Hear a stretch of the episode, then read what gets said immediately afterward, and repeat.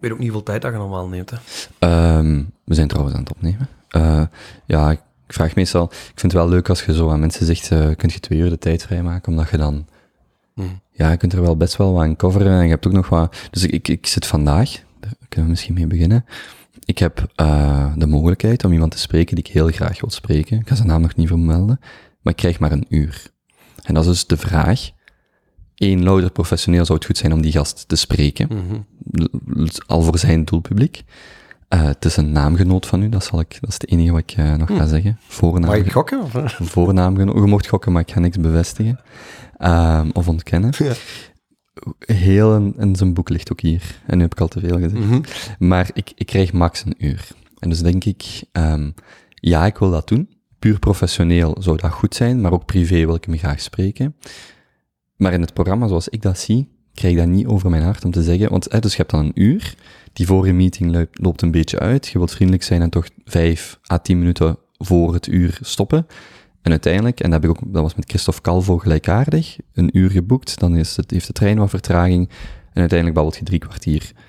Ik wil daarom niet zeggen dat dat niet goed is, maar mm, dat is niet echt wat ik zoek. Mm. Of dat is niet echt wat ik probeer te maken. Dus, ehm dus ja, daarom is het leuk om, om te zeggen van, kijk, pak twee uur en dan kunnen we nog een beetje Tuurlijk. op voorhand elkaar leren kennen. En dan heb je eigenlijk een babbel van anderhalf uur ongeveer. Ja. Dus vandaar. Ik ga die gokken. Mag ik nog een klein beetje stellen? Ja, Kwestie van de juiste afstemming te hebben. Hè.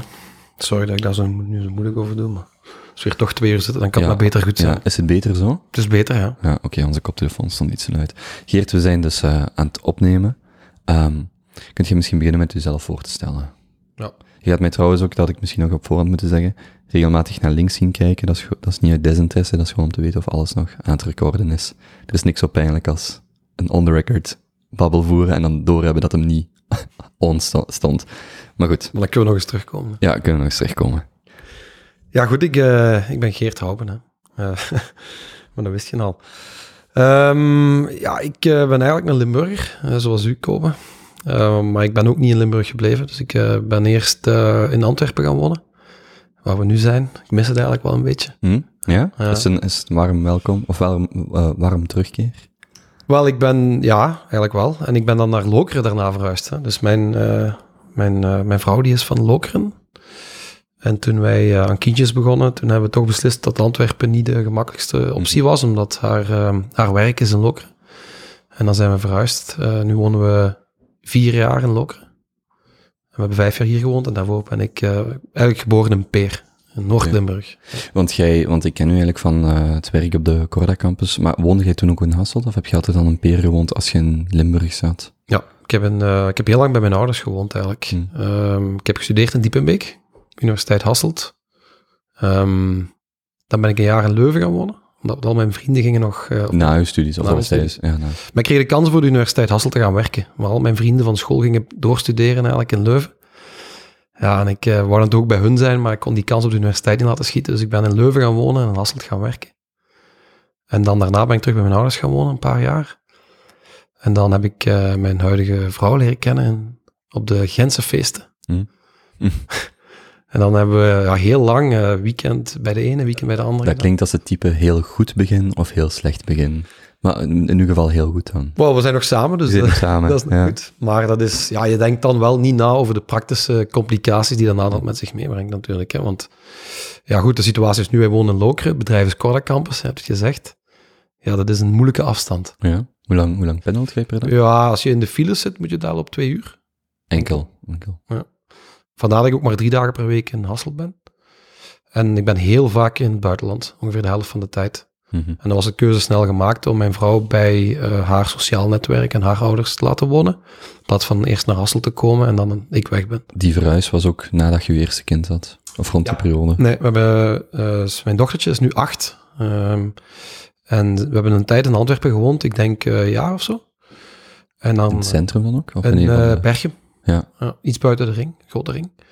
Ja, fantastisch, jong. Antwerpen, een fantastische tijd. Ja. Dat. Omdat je dan ook nog zo net eh, voor die kinderfase en dan in die kinderfase zit. En, Wacht, eh, hoe, oud zit je nu? ik ben nu 37. Ja. ik word eh, vrijdag 38. En ja, we spreken ongeveer over acht jaar geleden, negen jaar geleden. Ja. Een beetje zoals jij nu. Ja, ja, zalig, zalig. Ik vind wel zo, ehm, En dat, dat, is, dat is een vraag die ik aan u wil stellen, maar ik vind het ouder worden heel aangenaam eigenlijk. Ik zou zo, ik ga dan, het is nu ook exact tien jaar geleden dat ik in Brazilië een uitwisselingsproject heb gedaan en we hebben overlaatst een reunie gedaan. En we zaten dan een weekend samen met zes man. En um, ik vond het eigenlijk heel cool om, ik zat liever vandaag of op, op die reunie op, in dat moment als terug tien jaar in de tijd te kunnen gaan. En dat was een, dat was ook een heel leuke periode, maar ik vind het, het ouder worden en deels de vrijheid dat je hebt, maar deels ook de, het, de, misschien de maakbaarheid van je eigen dagen, weken, maanden en je leven bij uitbrengen. Ik, ik vind dat er iets heel, dus, dus dat aspect, maar ook het aspect van, um, ja, je doet eigenlijk misschien het besef van iedereen probeert ook maar iets te doen en dat je zo minder van mijn ouders zijn mijn helden of mijn grootouders of mijn investeerders of maakt niet uit, maar dat je echt zo ziet van iedereen probeert maar wat en doet zijn best. En ik ook. En ik, ik weet niet, ik vind daar zo'n bepaalde rust in of zo. Ja, het heeft ook te maken met het feit dat je je eigen ontwikkeling eigenlijk uh, ziet evolueren. En dat je ziet dat je scherpe kantjes er een beetje worden afgeveild. Hè. Dat heeft ook vaak een heel positief effect. Langs de andere kant moet ik ook wel zeggen, um, ik ben wel iemand die uh, wel eens nadenkt over de tijd wordt wel korter. Uh, het is mooier als je ouder wordt, maar de tijd Hmm. dat je er bent wordt wel korter. Be bedoelt je uh, echt letterlijk mathematisch of bedoelt je de perceptie van uw dagen bijvoorbeeld? Nee, nee, nee mathematisch. Uh, ja. Je leeft maar één keer. Er zijn zoveel jaren, hopelijk 80 of zo. En daar gaan we nu stilaan uh, naar de helft. Wel, je sterft elke dag een beetje. Je zit elke dag aan het sterven. Hè? We denken altijd dat we maar leven, maar het kan elke dag. Ja. Die brengt ons zelfs ook bij het onderwerp van uw, van uw bedrijf, van Cubigo. Um, dus je bent van, van Peer, uh, dus je bent gaan studeren aan de Universiteit Hasselt. En wat heb je daar gedaan? Um, ik heb licentiaat informatica gedaan. Toen heet, heet dat nog licentiaat. Hmm. Tegenwoordig is dat master. Uh, ja, voor de jonge luisteraars. Ja, voor de, ja, voor de, ik ben al wat ouder. Uh, dus de master. De, de regentaat en licentiaat bachelor en de master van vroeger. De, ja, inderdaad. Ja. Dus de licentiaat was vier jaar universiteit. Um, zware studie, omdat het samen was met licentiaat wiskunde en mm -hmm. natuurkunde. Um, heel theoretisch. En ik was eigenlijk de enige in mijn klas, hè, want we zaten met ongeveer 120 mensen of zo het eerste jaar. Ik was de enige die nog nooit een computer had gezien. Dus al, al mijn collega's hadden thuis van hun ouders of zo al, die, al een keer een computer. Dat was in die tijd nog de Pentium en zo, ik weet niet of je nog weet. Ja, Pentium 3, 4 ja, of ja. wat was het allemaal? Ja, voilà. Dus dat was voor mij meer zo van, ja, we pakken de hele lijst met, uh, met richtingen en we schrappen wat ik niet wil doen. En dan bleef dan handelsingenieur en informatica over, mijn informatica gaan doen. Waarom? Um, ja, als een vriend van mij ging dat ook doen. Ah, ja. Dus ik hm. was ja, een van de twee en de, de, munt viel aan de ene kant, zal ik het zo maar zeggen.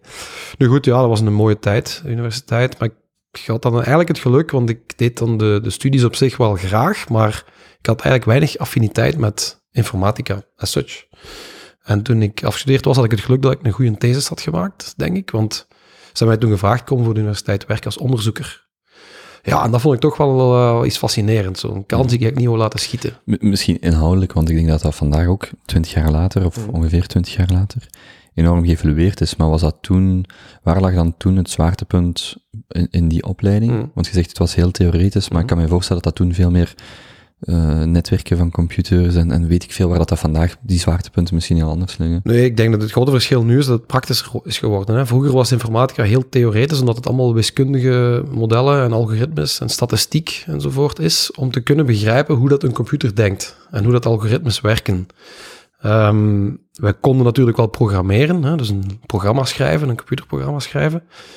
Maar de essentie lag om gewoon te begrijpen hoe dat die dingen werken, eerder dan ze te kunnen maken. En dat is de dag van vandaag wel wat geëvolueerd, omdat ook de, de, de software en de informatica de dag van vandaag ook helemaal anders is dan als tien jaar geleden. Maar goed, um, ik had wel altijd ergens zoiets, daar is meer mee te doen dan enkel het technische. En, en ja goed, die, die, die tijd bij de universiteit um, was voor mij meer een experiment. Ik mag het misschien zo niet zeggen, maar ik wist wel op voorhand, ik ga bijvoorbeeld geen doctoraat doen. Mm -hmm. En dat is normaal, een carrièrepad. Hè? Als je voor de universiteit gaat werken, je gaat een doctoraat doen, je verdiept je nog dieper in de technische kennis en je wordt dan professor. Wou ik niet, zou ik ook niet zitten, heb ik ook vanaf dag één gezegd. En ik kwam terecht in een Europees project in de auto-industrie, waar ik uh, verantwoordelijk was voor de, voor de, zoals dat heet, de user interface. Hè? Dus het, hetgeen wat je als, als, als mens, als gebruiker van de computer ziet. Eh, hoe je met de computer werkt, voor een, ehm, voor een heel groot project, waarbij, waarbij ik eigenlijk continu aan het reizen was naar allerlei constructeurs van, eh, van auto's, hè, dus Porsche, Volkswagen, Audi. Het was voor de gebruikers van de, de bestuurder of de gebruiker van Nee. de auto of voor de mensen in de fabriek? Ja, in de garage eigenlijk. In de de garage. garagisten eigenlijk. De garagisten die het probleem hadden dat zij geen toegang meer hadden tot al de specifieke informatie van de constructeurs, vooral de onafhankelijke garagisten. En die dus eigenlijk een platform kregen om die toegang wel te krijgen. Hmm. Was fantastisch. Ik heb dat drie jaar gedaan. Ja, en toen kwam de tijd dat men zei, ja, als je hier geen doctoraat gaat doen, moet je hier eigenlijk vertrekken. Hè? Hmm. En toen heb ik nog net op dat moment een, eh, een, een, tweede opleiding gestart, terwijl ik werkte. En dat was dan de master in bedrijfseconomie. Dat is wat nu tegenwoordig TEW of zo heet. Mhm. Maar daar is eigenlijk mijn kantelpunt gekomen, want toen zag ik hoe dat technologie as such, wat heel technisch is, pas kan ingezet worden. Of toen zag ik pas hoe het kan ingezet worden in de markt. En dan had ik vakken als marketing, strategie, financiering. Ah, dat vond ik super boeiend, want dan, dat is eigenlijk wel de noemen het T-model. hè. Heel diep en ook heel breed. Wat was het jaar dat je die extra master deed? Die tweede? Ehm, dat is ongeveer in 2006 zoiets geweest. Ja. Dat is ook zo nog net voor, maar eh, als je zo naar die grote boom van het internet kijkt, je hebt dan de, de dotcom-bubbel, begin van de eeuw, en dan 2008, 2009, het lanceren van de App Store, allee, van de smartphone, van de iPhone en de App Store, en je ziet zo die, heel, die twee grote pieken van die, van die ontwikkeling, hè, dat de, Ja. de, de Netflixen en de, sorry, de Snapchats zijn eigenlijk een beter voorbeeld, dat kan maar bestaan eens dat de smartphone er is, en de smartphone kan maar bestaan eens dat die dotcom-bubbel er is geweest. Maar dat is wel, ik, eh, dat is misschien een terugblik wat eh, romantisch, maar je zat wel midden in een, in- ook in een sector dat enorm aan het groeien was, hè, heel die informatica. Want vandaag weten we dat er geen leven is zonder een, een digitaal aspect, maar op dat moment was dat nog, nog iets, allee, zo herinner ik het mij toch, van dat is een golf dat aankomt, maar je zit wel in een bepaalde sector waar, ja, waar je graag zit. Ja, het was inderdaad heel terecht wat je zegt. eh, wat je zegt is de beginfase. Hè? Dus het internet was eigenlijk, allee, dat, dat bestond wel, maar dat had absoluut niet de, de impact die het nu heeft. Hè? Ehm, en wat er toen eigenlijk, dus eigenlijk zat ik dan net voor die iPhone-piek die je net noemde. Wat er toen gebeurd is, is wel dat ik sowieso wist na die studie economie, in combinatie met die technologie, van ja, ik moet ondernemer worden, hè? ik moet er iets mee gaan doen. Ik zie zoveel mogelijkheden met de toepassing van die technologie in de markt ja, dat ik, dat ik iets wil gaan ondernemen. Waarom heeft dat dan nog die jaren geduurd? Waarom, waarom deed, deed je dan wel het onderzoek? Of, of wist je voordat je begon te onder, als onderzoeker ging werken, van dat ondernemen komt er op een dag uit? Of, of Nee. hoe is dat geëvalueerd? Eigenlijk niet. Ik deed wel wat, wat, wat zijprojectjes, eh, meer als, eh, als hobby. Dus ik wist wel dat ik graag dingen eh, bedacht en, en, en creëerde en zo. Maar totaal andere, een andere sector. Maar ehm, het is pas echt gekomen toen ik die, ja, toen ik die, die, die vakken als, als marketing en strategie heb gezien eigenlijk. Ik kan dat niet anders zeggen. En ik moet ook wel eerlijk toegeven, die tijd bij de universiteit, en dat heet dan wel onderzoeker. Maar ja, als je in een Europees project zit in de auto-industrie en je moet iedere week naar, eh, naar die grote constructeurs, dat ging meer over, ehm, over business development dan over, Mhm. Ja. over onderzoek. Dus daar zat wel al iets in. En dan is het eigenlijk zo dat na die cursus eh, economie, ja, dat ik eh, gewoon ehm, eh, de stap gezet heb om te zeggen, we gaan iets bouwen. We gaan iets bouwen en we gaan dat verkopen. En daar is eigenlijk Visiori uitgekomen. Wat eigenlijk mijn eerste, mijn eerste start-up was. En dat is een spin-off van de universiteit, want als je onderzoeker bent en je begint aan iets te bouwen, ja, dan ben je wel ehm, eigenlijk eh, IP van de universiteit en zo ook aan, aan het gebruiken. Dan ben je officieel ook een spin-off bedrijf en rol je uit de universiteit als bedrijf. Hoe, hoe, hoe ziet dat eruit eh, qua structuur? Als je een spin-off, is dan de universiteit eh, aandeelhouder of hebben die een, een licentieovereenkomst of hoe zit dat? Ja, dat zijn de twee opties, hè, wat je nu zegt. Dus ofwel ehm, zijn ze aandeelhouder, ofwel betaal je een licentie op de omzet die je, die je doet. Omwille van het feit dat je kennis eigenlijk zogezegd meeneemt. Nu, dat is heel moeilijk te kwantificeren.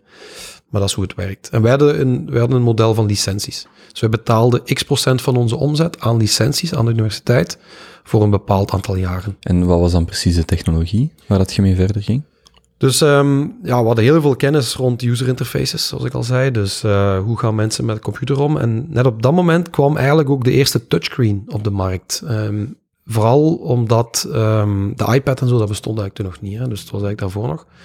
Ehm, en de touchscreen was eigenlijk alleen bekend in, in meer fabriekstoepassingen. Hè, van de controle, de sturing van de band in het fabriek, noem maar op. In de horeca begon het ook al. Maar in de consumentenmarkt kenden we dat eigenlijk niet. Omdat het te duur was. Te duur, ja. Hm. En, eh, en, en vaak nog hele logge toestellen en zo. Maar er kwam een toestel op de markt. Dat was eigenlijk een, een ja, ik kan het vergelijken met een, een soort dik scherm, zoals nu de, tegenwoordig de, de, de Mac-PC's zijn, hè, dus, of de, de Mac-computers. Een dik scherm met daar de computer ingebouwd in het scherm.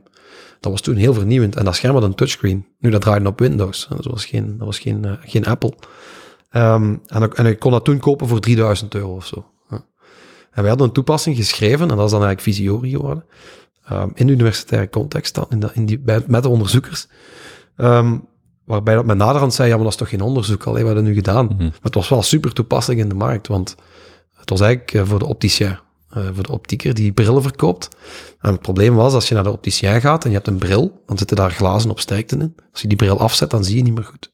Dus als je een nieuwe eh, montuur uit de rek neemt en je zet die op, en je gaat voor de spiegel staan, dan kan je zelf eigenlijk niet zien hoe je met die bril staat. Dus je moet altijd iemand vragen, hoe sta ik ermee? Ja, want er zitten geen glazen op sterkte. Voilà, Ja, dat zijn plastieke glazen. juist. En wat we dan gedaan hebben, is een toepassing geschreven voor die touchscreen PC. Ging daarvoor staan. Je- Dat hing tussen de rekken. Je ging daarvoor staan. Je drukte daarop, gewoon op het scherm. En dan werd een foto gemaakt van jezelf. Eigenlijk toen, ja, een pre-selfie eigenlijk. Mm, hè. Dus nu is dat helemaal banaal en belachelijk zelfs om te vertellen. Maar in die tijd was dat nieuw. En met je eigen bril kon je dan die foto's met elkaar vergelijken. Je kon zeggen van die vond ik mooi, die niet, die ik weg. En als je dan twintig brillen gepast had, kon je nog perfect bijhouden welke selectie Ja. dat je eigenlijk mooi vond. Er was eigenlijk geen manier om jezelf met een nieuw montuur te zien, omdat er geen glazen in zaten. En simpel gezegd maakten jullie een foto of stelden jullie de klant, potentiële klant in staat om een foto te maken, om dan achteraf zelf te kunnen kiezen. Juist. En niet naar die ambetante vriend te moeten luisteren, die dan u in de maling neemt of zo. Staat Of de opticien die u de duurste aansmeert. of de opticien. Of uw vrouw die vindt dat dat de mode is en Mm. eigenlijk thuis tot Ja. de conclusie komt dat het toch niet zo mooi Ja. is. Dus jij, dus jij had wel dat IP, of je had dan die licentieovereenkomst, dat is een apart bedrijf geworden en dat was Visiori dan. En wat was dan het product zelf dat jullie bouwden? Was dat dan die terminal of die, die was dat de software? Was dat die, die touch, eh, die, die oplossing met een touchscreen? Wat, wat was dat? Dat was enkel de software. Dus wij kochten die terminals in. We installeerden daar die software op en we verkochten dat ehm, mm, eerst, ja, eerst en vooral als een soort eh, product, hè, dus het toestel zelf, maar ook met een licentie, om die software te kunnen gebruiken. Hm. Want natuurlijk kregen we al heel snel de vraag, we hebben hier nu een heel duur scherm gehangen in de winkel, Eh, kunnen we daar geen andere toepassingen op draaien? Want voor die ene toepassing is dat toch wel duur. Of, of daar kan veel meer mee eigenlijk. En dan is stilaan een, een, ja, er een technologie ontstaan, eh, een platform eigenlijk, die geconnecteerd is met het internet. Je hangt al die toestellen aan het internet. En je kan eigenlijk van op afstand toepassingen gaan aan- en uitzetten die je op die schermen gaat activeren. Ja, tegenwoordig heet dat een App Store of zoiets. Allee, Mhm. Het is eigenlijk allemaal voorlopers van wat tegen wat. Ja, want ik denk ook wat je net zegt, eh het deed mij gewoon aan een SaaS-model denken. En ik ja, nee, dat is gewoon de voorloper van, van een SaaS-model. Allee, wat, wat wij vandaag allemaal fancy, schmancy SaaS noemen en wat is het allemaal. Zeker. Gelijk vandaag alles artificiële intelligentie is, maar dat is gewoon software dat draait. Was dat eigenlijk toen Ja, maar wij, voorloper? Absoluut, maar wij, wij, wij liepen tegen dingen aan. Oké, die klant komt aan het scherm. Eh, die heeft daar drie of vier mogelijke toepassingen die hem kan starten. Hoe gaan we die interface zo bouwen dat hij dat heel gemakkelijk kan vinden? Als je nu achteraf op terugkijkt, ja, dat zijn eigenlijk de apps geworden van nu. Hè, want Mhm. wij konden eh, toelaten dat ze apps acti- eh, activeren en niet. Dat waren gewoon allemaal blokjes, zoals je nu blokjes hebt. Maar die tijd dat wij dat maakten, was, was Windows het besturingssysteem. Dat het concept apps, mini-applicaties, dat bestond niet. Ja, ja, want allee, om, dat, om dat echt duidelijk te kaderen, vandaag zijn wij het ook zo gewend dat wij switchen tussen smartphone, laptop, pc, computer, en eh, dat ook alles is afgestemd op de schermen waar dat we het bekijken. Gelijk uw apps op uw iPhone, zelfs dezelfde apps zijn anders dan de software. De Final Cut Pro als app is anders dan de Final Cut Pro Mhm. op uw MacBook. Mhm. Maar in die tijd had gewoon Windows. En waarschijnlijk nog Windows eh, 7, of misschien, nee, nog, nog vroeger, weet ik veel, Vista, of het maakt niet uit. Zoiets, ja. En dan moest je ook wel, ja, dat is gemaakt voor een normale computer. En je moet er dan een, een, een appvorm, een Juist. interface voor Eigenlijk was het een, inderdaad juist een Ja. app in een, in een, in een computeromgeving. Ja, terwijl als je Ja. vandaag uitlegt, zeg ah ja, dat is toch niet moeilijk, hè? Je, Ja. bouwt gewoon, Voilà. je hebt gewoon software en je port dat tussen verschillende platformen. Maar ja, toen, nee, nee. Helemaal niet. Helemaal niet. Nee, voilà. En we hadden het geluk eigenlijk dat we dit vrij snel konden eh, testen in een, eh, een winkel van Pearl Opticiens. Pearl is de grootste keten ook in Europa. Wacht, nog, nog daarvoor, dus ik ga je vaker onderbreken. Ja, geen probleem. Maar die, dus je, je, je hebt die spin-off. Zet jij dat dan, uh, hoe, hoe nog voordat je bij het product komt en de klanten, hoe ziet zo'n spin-off er technisch uit? Dus waar zit daar het moment dat je naar uw, naar uw manager of wie dan ook in de universiteit gaat van, ik wil dit gaan doen, met wie doet je dat? Hoe, ik, heb, ik heb geen idee hoe eigenlijk zo'n spin-off in, in die context bij u liep. Het begon eigenlijk in de vrije tijd. Gingen we met een paar mensen en daar waren ook een aantal echte IT'ers bij. Dus echt mensen die, die technologie konden bouwen, software konden schrijven. Ik kon dat ook wel, maar ik wou dat eigenlijk niet doen. Gingen we Programme samen programmeren. programmeren, ja, Ja, programmeurs. Gingen we samen zitten in onze vrije tijd en begonnen we stilaan allee, wat, wat van die ideeën te bouwen richting dit product. Um, en natuurlijk, als dat op een bepaald moment effectief een product wordt waar, waar, waarbij je je eerste testen wilt gaan doen met iemand, ja, dan moet je dat een beetje officialiseren, want dan kun je niet meer in je vrije tijd blijven doen. En dan zijn we naar onze prof, want dat zijn dan allemaal proffen en zo gestapt. En gezegd van, dit is er aan het gebeuren. Zouden we geen bedrijf oprichten? En dan, um, dan hebben we dat bedrijf opgericht. Uh, zij zijn er ook mee ingestapt en zo, dus je kunt dan eigenlijk... Uh, uh, ja, met een aantal mensen een constructie maken dat je dat, dat, je dat wat verdeelt. Hè. Dat dat niet allemaal van u moet zijn, want het is ook niet echt van u, want je, je gebruikt kennis en zelfs mensen van... Met hoeveel waren jullie? Ik denk dat we toen met drie of vier mensen waren. Ja. En dus dan heb je de keuze, ofwel stapt de universiteit daar ook deel in als aandeelhouder, of er is een deal of een, of een contractuele verplichting met een vorm van een licentieovereenkomst. We hebben dat tweede gedaan, Ja. licenties. En dat is dan typisch, uh, het gaat mij niet om de cijfers, maar gewoon dat ik een, een, een idee heb. Je geeft x procent van je omzet of van je bruto winst of wat het ook is, uh, stroomt rechtstreeks door als royalty of licentie naar uh, de universiteit. Correct, en je, en, je, en je limiteert dat vaak in de tijd. Dus ik denk dat in ons geval vijf jaar was. Ja. Dus na vijf jaar stopt die overeenkomst. Dan is het IP Van u. vrij, ja. Ja. of van u. Ja, Ja, zo is het. Um, dus dat was de constructie. En dan, ja goed, het is geofficialiseerd, het is een bedrijf, je hebt een eerste prototype. En dan dachten we, ja, hoe gaan we dat nu in de markt zetten? Je kan ofwel heel bottom-up beginnen, heel klein bij je lokale opticien op de hoek van de straat. Of je kan zeggen, nee, we gaan ineens naar de grootste. Mm -hmm. uh, of er iets tussenin, maar we hebben het, het, tweede gedaan, dus ineens naar de grootste gegaan. En, um, en ik herinner mij nog heel goed, ik kwam, het was in Nederland, het hoofdkantoor van Pearls in Nederland. En ik kwam binnen in, in de meetingruimte. En tegenover mij zat de marketingmanager van, van Pearl. Um, en er was een dame. En ze zei tegen mij, ja, ik heb maar, uh, ik heb maar het was een Nederlands, ik kan nu niet een Nederlands accent nadoen, maar ik heb maar een kwartiertje tijd. Hè, zo, mm. Dus uh, haast je een beetje, want ik heb niet veel tijd. Uh, wil je een koffie? Ik zeg, ja, goed, doe maar een koffie. En ze gaan een koffie halen. En ondertussen, ik had dus die grote doos bij waar die terminal in zat. Ik haalde dat, dat, dat toestel daaruit. Maar ik, um, ik heb op een of andere manier de, de stekker in het toestel op de verkeerde manier erin gestoken. Mm. Waardoor een kortsluiting ontstond. Mm. Dus pff, een beetje rook. en zij kwam terug binnen en uh, ze kwam gewoon op horloge te kijken. En ik moest zeggen, ja, ik had hier eigenlijk een mooie demo bij, maar dat gaat niet Mm. lukken, want het is juist uh, verbrand. Ja, die rol met haar ogen te draaien natuurlijk, want dan komt die stomme Belg hier eigenlijk. Ja, want je bent uh, 27 op dat moment. Uh, zoiets, ja. Jong, in Jong, geval. ja, jong, jong, ja, jong. Ja. Jong en onervaren, hè. Ik had Ja. wel wat projectjes gedaan op de universiteit, maar Ja. Niet in de business context. Hè. Ja, goed, en toen zei ze, ja, oké, goed, jammer. Vertel dan maar in vijf minuten wat je doet, hè, en dan uh, stuurt je mij maar eens een filmpje op of zoiets. Mm. Dus ik vertel, dit doen we. Oké, klinkt interessant. En we komen thuis en we maken, we maken een filmpje, we sturen dat op. Ja, nog geen dag later kregen we toch antwoord al van, oeh, dit, uh, dit boeit ons wel. Kom in Amsterdam, uh, waar we twee of drie winkels hebben als Pearl, kom daar eens een toestel installeren. En we deden dat. Um, en dan ging de tijd voorbij. Eén maand, drie maanden, zes maanden. Bellen, e-mail, Hm, geen antwoord, niks. niks. Ja, zo dat gaat. Hè. Zijn die ons vergeten? Hebben ze dat wel geïnstalleerd? Hebben ze dat misschien al weggehaald? Noem maar op. Kort, de- kortsluiting. Kortsluiting, ja. ja. In die tijd kon dat nog. Nu gaat het eigenlijk allemaal niet meer. Mm. hè. Nu is het allemaal zo goed gemaakt. En de negen, komen op de gap van ah, de tijd is negen maanden. Ja, we waren er eigenlijk al een beetje van, ja, dit wordt niks. Dit, eh, dit gaat het niet worden. En na negen maanden kregen we telefoon. We zeiden van, kijk, we hebben eigenlijk onze tijd genomen. Ja, dat hadden we ook wel gezien. En we, hebben, we hadden twee winkels of drie winkels. En we hebben één winkel geïnstalleerd en de andere winkel niet. Wat we begonnen te zien is dat er klanten van die andere winkels bij ons kwamen, of in die ene winkel kwamen, en zeggen van, ja, nou, uh, hier zou ergens een tv moeten staan waar ik Hmm. mezelf kan zien. Hmm.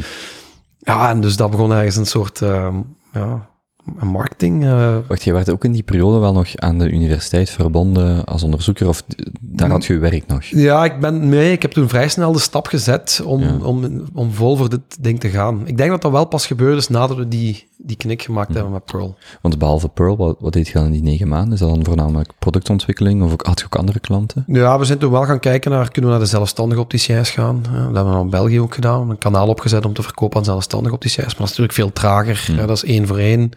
Conservatieve markt, moeilijk te overtuigen. Met hoeveel vraag je voor zo'n toestel? Hoeveel was dat? Well, dat toestel kostte toen, ik denk, eh 4000 euro of zo in de Ja, ja. aankoop. En dan nog eens een licentie per jaar voor de software. Had Ja. aan, dat is Veel duur. plezier om die zelfstandige opticiens te gaan overtuigen. Voilà, inderdaad. Ja, dus ja. dat was het niet. Allee, dat, dat, dat, dat, dat lukte wel eens hier en dan kwam je maar- binnen, kwam de volgende binnen van, ja, een website moet je Ja, ook hebben. voilà. 3000 euro. En dit, en dan, die opticiens, jongen, ik weet mijn, ik kan mijn bril wel zelf verkopen. En de website heeft nog altijd meer eh noodzaak bij, die, bij, die, bij die mensen dan zo'n toestellen. Hm.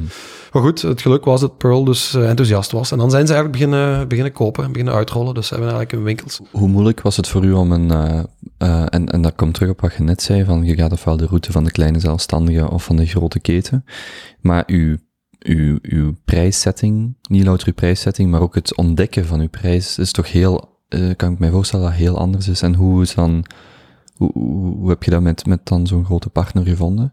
Of, hoe, of zeg je gewoon, kijk, dit is de hardware, dit is, nee, ik ga mijn vraag gewoon breder stellen. Hoe komt je überhaupt tot, tot een prijs, onervaren, met die grote, met zo'n grote keten? Moeilijk, ja. Dat is ja, een beetje geluk hebben dat je op de juiste manier insteekt. Ehm, hè, want als je te, te, te laag zou insteken, ja, de kans dat je nog ooit kan verhogen, die is quasi niet heel. Als je te hoog insteekt, dan, ehm, ja, dan, dan kan je de, de, het probleem hebben dat men zegt, ja, dit is gewoon out of budget. En, en, en wat ik daar geleerd heb, is je moet toch altijd hoog genoeg beginnen. Hè? Mm. Want het is veel beter om een soort premium perceptie te creëren door een hoge prijs te geven en dan te onderhandelen over voorwaarden, zoals grote aantallen, lange contractperiodes enzovoort, dan laag te proberen in te schieten in Ja. de hoop dat ze, het goed, dat ze het goedkoop vinden en het willen kopen. Ja, als je amper marge hebt, en dan kun je weinig doen als je een meerjarencontract of een Precies. bepaalde... Ja, ja. We wisten natuurlijk ook dat zij eenmaal met ons in zee gingen, we hadden daar in, in, in zoveel winkels een toestel hangen. Ja, dat is een buy-in, hè. dat kunnen ze niet zomaar, of een lock-in, hè. ze kunnen u er niet meer zomaar uitgooien. Plus wij konden dan vanaf dan, als we nieuwe toepassingen of nieuwe apps lanceerden, konden we daar weer iets extra voor vragen. Mhm. Dus een makkelijker upsell model. Er was ook een exclusiviteit, neem ik aan, voor u in die winkels van uw product. Eigenlijk, eigenlijk niet helemaal. En dat is eigenlijk ook de clue waarom dat die exit zo interessant is geweest. Hè. Dus eh er was geen exclusiviteit. Hè. Dus De exit bedoelt je, jij uit het bedrijf? Of Nee, het, het bedrijf. Het bedrijf verkocht, ja. Of het product verkocht eigenlijk, maar daar kom ik zelfs op. Ehm er was geen exclusiviteit, dus we hadden eigenlijk de mogelijkheid om ook naar andere eh, ketens te stappen, die eigenlijk concurrent waren van Pearl. Ah, Zoals- wacht, ik bedoel het, het omgekeerd. Mhm. Had Pearl, en dan kom ik terug op wat je aan het zeggen had eh, jij exclusiviteit binnen die winkels van Pearl, of mochten ze ook nog andere toestellen... Oh ja, nee, dat is zelfs, een, dat is, dat is zelfs niet te be- bespreken. Ah, oké. Ja. Nee, nee dat, je mag al zo blij zijn dat ze jouw product willen kopen, dat je echt niet kan afdwingen dat dan het, dan het enige zou zijn. Nu, waarom zouden ze twee van die producten zetten? Dat is ook niet... eh Ja, goed, maar dus er was geen exclusiviteit. was er niet, nee. Nog eh, in jullie voordeel, Juist. nog in jullie nadeel. Want het zou veel logischer zijn als zij exclusiviteit hadden gevraagd. Mhm. En zeggen van Hans Anders, die mag het niet gebruiken, want dit is voor ons een competitive Ja. advantage. Wij betalen nu meer, zodat je het niet Voilà. elders mocht zijn. Ja. Maar dat was niet. Gelukkig, want dat is ook een heel moeilijke situatie. Hè? Als je als, als start-up eh je, product in, bij je grootste klant exclusief gaat neerzetten, ja, Ja, dan, is, dan is geen Ja. start. Ja, dan, ja, dan je gewoon de rest van de markt toeleverancier- Ja, ja. dat is, voilà, dan zit je gewoon een vendor. Hè? Dus dat was dus gelukkig niet. En we hebben dan inderdaad, hè, zoals ik zei, zelfstandig op die cijfers nog verkocht en nog wat kleinere ketens ook gedaan. Eh, Hans Anders is helaas wel niet gelukt, maar Hans Anders is, was, was een discounter. Hè? Dat was zo de, de Aldi van de... Hm. Ja, ik hoop dat er niemand luistert van Hans Anders, maar Ja, een discounter, hè? Colruyt, hè? alles goedkoop. En dan passen dit soort premium marketing eh, ja, trucken, wou ik zeggen, maar het is niet een truc, maar die passen daar niet in. ja, die nice to have's Voilà. passen moeilijk bij een, eh, bij een discounter. Voilà. Ja, Zo. Ja goed, en dan is het moment gekomen dat we, dat we zijn, zijn, zijn, zijn uitgestapt. Hè? In die zin dat eh, we komen nu ongeveer in 2009, 2010 zo. En dat was het moment dat Steve Jobs in San Francisco de, de iPad in de lucht stak. Ja? En wij zagen dat eigenlijk natuurlijk wel een beetje aankomen, want hij had een Mhm. iPhone, iPhone in 2007. En je voelde van, ja, Apple had vroeger al een keer een iPad geprobeerd te lanceren. En ook, ook, ook, ook Microsoft had dat geprobeerd. Dat lukte allemaal niet, want dat was de, de verkeerde timing. Maar je voelde wel aan, als die iPhone aanslaat, ja, dan een groter formaat. Dat, dat heeft wel potentieel. Hoewel ik mij wel nog goed herinner hoe, hoe um, Sinus dat daarover gedaan. Ik Ja. herinner mij dat nog Ja. heel goed, want ik was toen rond mijn twintigste, ik volgde dat heel intens. Mhm. Zo, iPad, dat gaat nooit iemand gebeuren. Wat? Ik heb wel een laptop.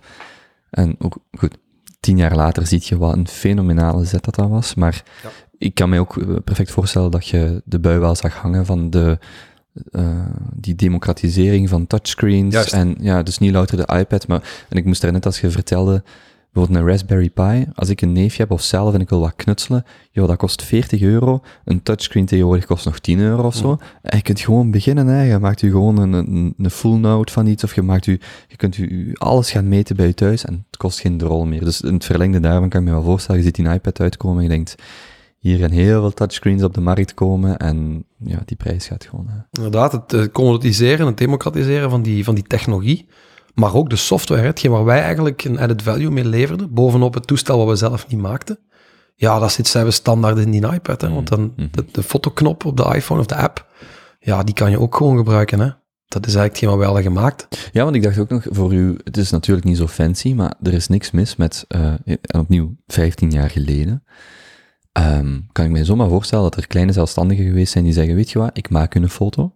Dus Ja, desnoods een Polaroid. Ja. En eh, je hebt hem ook binnen een minuut, hè. En je hebt ook een idee. Dat is zo gelijk veel van die... De goede maat van mij was consultant, eh, bij een consultancybedrijf, en die zaten bij de NMBS. En hij zegt, ja, heel veel van die software startups die denken dat hun grote concurrent zijn andere software startups. Hij Zegt bij de NMS, bij de NMBS is uw grootste concurrent Excel. En, en dus jij komt binnen en uw eh, product is net iets sneller of net iets een fijnere interface. Maar je zit niet aan het vechten tegen de interface, je zit aan het vechten tegen Excel. En dat deed mij daar ook aan denken. Uw concurrent was misschien niet louter een andere software- en hardwaremaker, maar ja, een Polaroid-camera of een gewoon... Allee, Ja, maar je hebt er 100% gelijk in. Hè. Dat is inderdaad een vergissing die vaak veel startups maken. Maar in ons geval natuurlijk wel dat wat opgevangen door wat, wat extra features erin te steken. Bijvoorbeeld, je kon die foto's naar iemand mailen, hè, bijvoorbeeld uw vrouw, om toch nog wel feedback te krijgen. Op het einde konden ze ook op Facebook zetten om te zien hoeveel likes dat je kreeg en zo. Dus dat was wel wat Ja. dan gewoon. Maar Ja, ja, ja. je voelt aan, wat je zegt is juist. Hè. Dus, dus dat was niet sustainable. Zeker niet als dat in een iPad komt, hè, die je voor 400 of 500 euro kunt kopen. Je hangt die daarop en je hebt hetzelfde. Dus het ziet er nog beter uit zelfs als die dikke PC met een touchscreen. Dus wij wisten dat en we zagen dat aankomen. We hebben eigenlijk naar, eh, met Pearl afgesproken om die ja, exclusiviteit te kopen, of het product te kopen. En dat wij eigenlijk eh, dus het product niet meer bij anderen mochten verkopen. Ja, wat, hoe heet dat? Een soort dat product exit bedoelt. Ja, dat is wat je bedoelt met die exit. Hè? Dus de exit was, je hebt eigenlijk je, je volledige bod verkocht aan Pearl. Ja, niet de boîte, eigenlijk de exclusiviteit op het product. Eigenlijk de IP van het product hebben we verkocht. Wat is dan het verschil met de volledige bod? Well, het bedrijf bestond nog en we konden in dat bedrijf andere eh, dingen gaan ontwikkelen. En op zich is dat geen verdeel, dat is gewoon Ja. een lege doos. Hè? Dus, Ja, dus dat ja. maakt eigenlijk niet uit. Eh, eh, dus, maar net daar, dus een half jaar voordat de iPad kwam en dan hadden we wat geld. Ehm, maar wel ook ehm, een, een heel interessant voortraject aan technologie, platform. Je zei het er straks, SaaS. Internet gebruiken als een distributiemechanisme om verschillende ehm, terminals of systemen eigenlijk aan te sturen. Nogmaals, de dag van vandaag is dat, is dat, is zo logisch. Hè? Je drukt op een app, je gaat naar het internet, die haalt ergens op een server iets op, dat wordt teruggestuurd in een fractie van een seconde. In die tijd was dat de vooravond van dit soort dingen. En we hebben daar eigenlijk gewoon een stukje ja, ook, Mhm. Ik, ik vind het ook heel cool. We hebben Cubigo nog niet aangehaald, maar ik vind het heel cool hoe dat in het verloop van het verhaal dat je het vertelt, zit ik constant in mijn achterhoofd met, ja, dat leidt tot waar je vandaag, en waarvan ik vandaag, van de interface voor de garagisten, Ja. tot wat je nu zegt, is echt, ehm, op dat moment is dat natuurlijk niet zo duidelijk, of, of weet je dat niet. Maar als ik nu dat in mijn hoofd heb, wat ik het idee is van Cubigo, ziet je echt, ja, ja, dat zijn de stapjes Mm. die nodig waren om tot daar te komen. Ik ga daar zelfs nog iets, nog iets aan toevoegen. Ehm, want ik heb over dat garagistenverhaal niet veel verteld. Maar als je daar ziet wat we gedaan hadden, kwam eigenlijk op neer van je zet, je zet ergens ene server in Europa. Je connecteert die server met alle constructeurs die hun informatie over de auto mo- moeten opladen naar, naar die server, of die eigenlijk in real-time werden eh, ondervraagd over de informatie over de auto. En je maakt een interface voor de garagisten. Die blauwdruk die daar lag, wat eigenlijk een van de eerste ehm, ja, eh, API-systemen eigenlijk toen op dat moment was, hè, eh, dat zo ver ging. Die blauwdruk is eigenlijk Cubigo nu. Want we connecteren eigenlijk met allerlei services die met een interface tot bij de ouder of de familie of de zorgverlener komt, met exact dezelfde opzet. Hmm. Dus daar, daar goed, goed dat je daar zo opmerkte. Ja. Dus wacht, hè, dat, ik, dat ik ook zelf duidelijk mee ben. Dus eigenlijk wat je vandaag met Cubigo, maar ik wil daar nog niet te snel op terugkomen. Maar je zegt wel de vergelijking tussen die software voor die garagisten of voor die constructeurs Mhm. was. ehm nee, ik ga, ik ga gewoon de vraag openstellen. Wat bedoel je precies als je zegt wij leveren eigenlijk een prototype API? eh, en, en was dan de vergelijking met Cubigo? Ja. Ik weet niet of ik het helemaal begrepen heb. Wat je dus eigenlijk had, was die, die onafhankelijke garagist. Ja, die wil eigenlijk in zijn garage, hier op de hoek van de straat, wil die informatie opvragen hoe dat hij de BMW moet repareren. En die had die informatie ook niet meer. Omdat die werden zo specifiek gemaakt per auto en ook niet vrijgegeven. Dus Europa heeft gezegd vanuit concurrentieoverwegingen, die mensen moeten toegang krijgen tot die informatie. Dat is, anders is het concurrentievervalsing, want alleen hun eigen garagisten Mhm. kunnen die auto nog repareren. Ah, het gaat om het op... Ik, ik zat in mijn hoofd met het opladen van, omdat je daar net dat woord gebruikt. Ik dacht, de garagist of de constructeur moet ook data kunnen uploaden op een... Het gaat echt over eigenlijk een digitale handleiding. Hoe moet ik die auto Ja. herstellen, als ik het zo mag zeggen. En jullie bieden de dienst aan, onder andere door die Europese wetgeving, waarvan je zegt, wij centraliseren al die digitale handleiding, om het zo te zeggen, of al die informatie die jij nodig hebt, en jij kunt daar dan gewoon eh, die, die calls maken naar die, naar die server. Zo. Juist. En het unieke was dat dat in real time gebeurde. Dus je had één interface als garagist. Je zei, ik wil nu de Volkswagen eh, Passat eh, van dat jaar enzovoort, die motorisatie repareren. Je drukte op, op enter. En die ging eigenlijk via die Europese server in de Volkswagen fabriek die informatie opvragen en naar jou sturen. En dat deden we dan met, met tien verschillende constructeurs, die allemaal via diezelfde interface die data ehm, Dus, dus jullie hadden de data niet zelf, de Nee. data werd door- door jullie opgevraagd. in real time. Ja. Ja, ja. En dat was het unieke in die tijd. Van real-time API's te gebruiken om die data... Een, een, waarom je aan het denken, omdat misschien zeggen mensen, denken mensen van, ja, maar wat kan er zo moeilijk zijn aan die Ja. auto's? Ik heb vijf jaar lang als eh, jobstudent in het distributiecentrum van, Hasselt, eh, van Carglass in Hasselt gewerkt. En dus die, dus loud, dit gaat louter over ruiten nog maar, hè. Dus dat zijn, ze, ze, maken daar, eh, of ze, stockeren daar ruiten voor, eh, voor auto's. En al die ruiten hebben een unieke code van, ik geloof minstens 16 karakters. En dus dat begint bijvoorbeeld met vier letters, 88, 56. En dat is dan 88 is dan Volkswagen, 56 is dan Passat.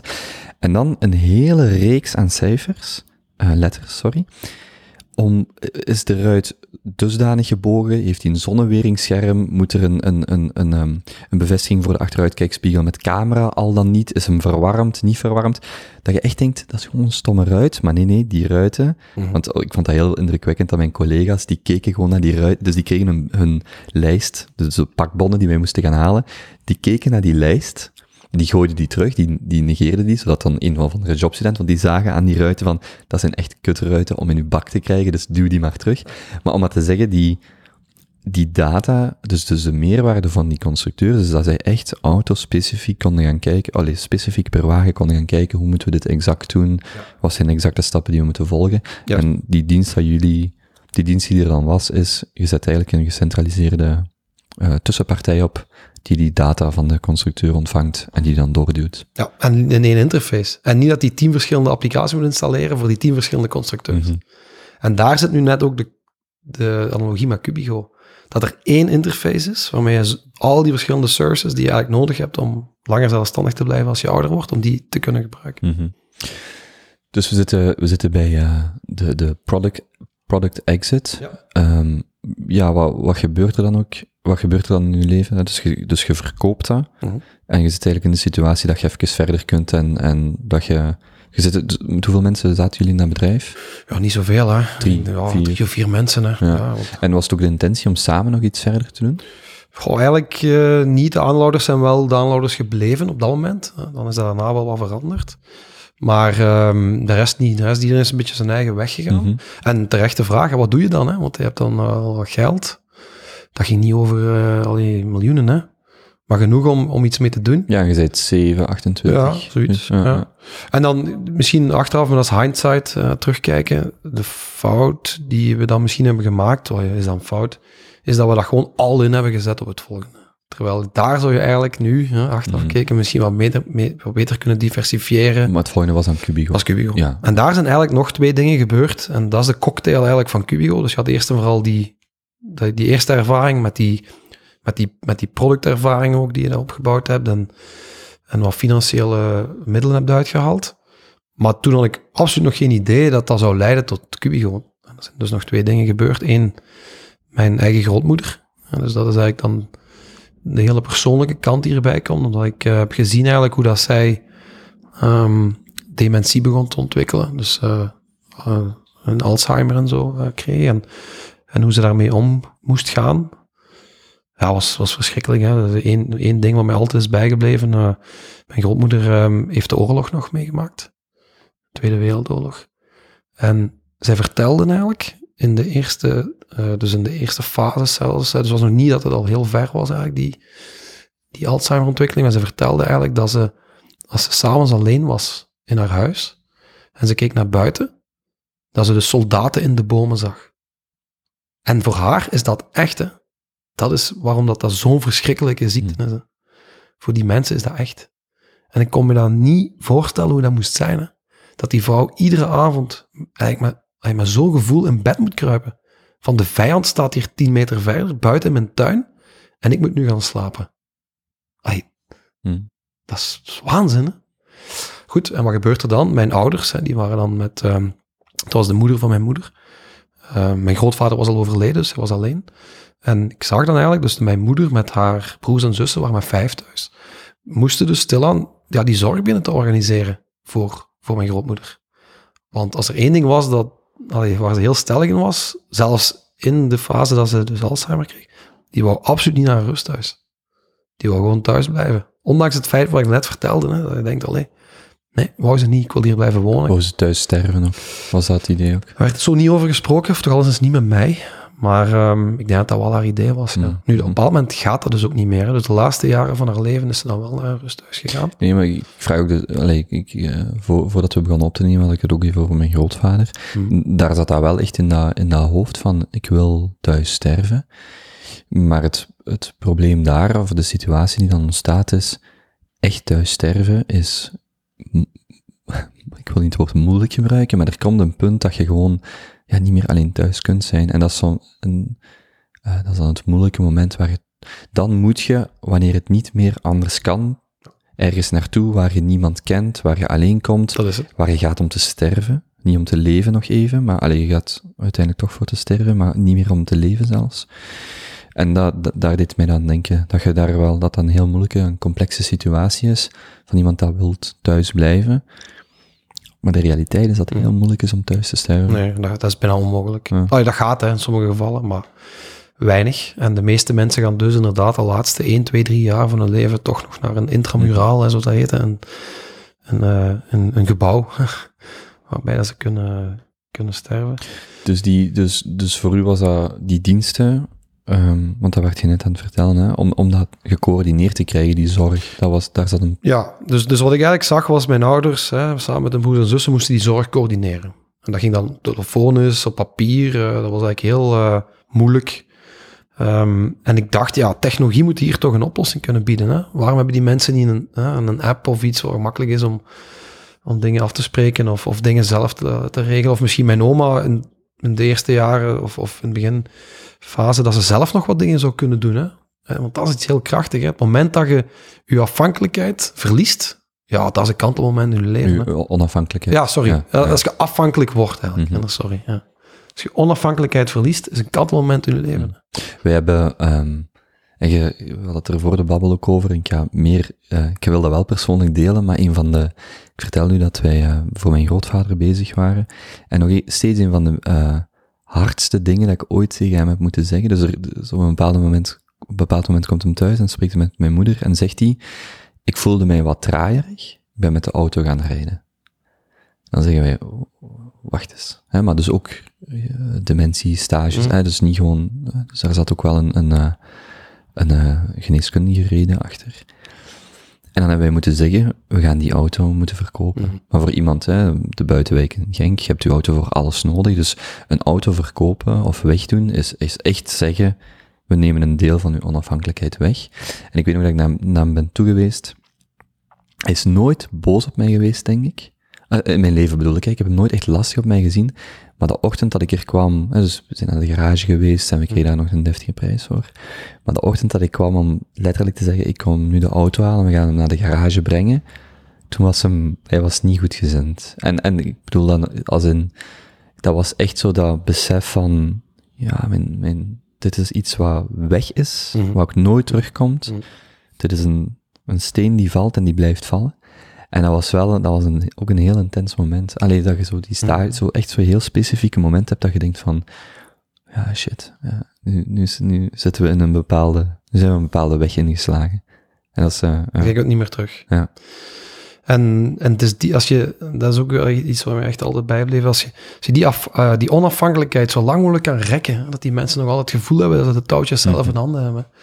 Ja, dat is Ja, dat je bijvoorbeeld, eh, je auto gaat dan weg, maar je kunt met de, de knop met de, een, een taxi bestellen. Of, ja, ja. Ja. Dat je ook niet, Voilà. dat gevoel, dat je dus wel de situatie is wat dat die is, maar je creëert het, eh, niet het gevoel dat die onafhankelijkheid dus- dusdanig beperkt wordt. Het doel is hetzelfde, het middel is anders. Ja, ja, ja. komt het eigenlijk op neer. Nu, dat is een heel nobel idee, hè, want, want we weten door de vergrijzing en zo, dat er eh, heel veel van die mensen zullen zijn in de toekomst. Nu al, maar in de toekomst nog veel meer. Ja, de Silver Tsunami Ja. schreef je het. eh. Ja, dat is de, allee, dat is de vergrijzingsgolf. Hè. De makkelijkste statistiek om dat allee, inzichtelijk te krijgen is in 2030 zal een derde van de mensen ouder zijn dan 65. Allee, kunnen ons dat misschien nu nog niet goed voorstellen wat dat is, maar dat is gigantisch. Hè. En daar wordt dan wel eens wel over gesproken en zo, ook in de politiek, maar toch ook nog niet zo heel veel. Hè, omdat men weet wat de impact gaat zijn ook op de, op de begroting, op de cijfers. Goed, ehm, dus die Silver Tsunami was voor ons een opportuniteit, maar tegelijkertijd wel niet de reden waarom we dat deden. Ja, het was veel persoonlijker. Veel dan- persoonlijker. ja. En ik had echt zoiets van, man, dat kan nu toch niet? We zijn zo ver met technologie. En deze markt, deze sector, die mensen, die kunnen eigenlijk niet... Allee, Ja, je kunt wel foto's verkopen aan opticiens, Ja. maar je kunt je eigen grootmoeder haar zorg Voilà. nog niet coördineren, dat om het, het. Dat is plat te zeggen. Ja, dat. Dus dat was voor mij een heel belangrijke trigger om te zeggen, oké, goed, nu gaan we iets in die zorg doen, maar wat? En dan kom je dan bij de vraag, hoe gaan we dat aanpakken? En dat is eigenlijk dan het derde wat er gebeurde. is. En dat is dat ik een, een dokter tegenkwam, een huisarts, waarbij ik eigenlijk meteen eigenlijk een goede klik had. En die man had een heel goede visie op de zorg van de toekomst. Dat was in België. In België, ja. Ja. En het het interessante was dat ik van iemand, een Nederlander eigenlijk dan nog wel, zonder iets Hm. slecht te zeggen over Nederlanders, helemaal niet, want we bij, wel. bij Pearl hebben ze ons heel goed geholpen. hè.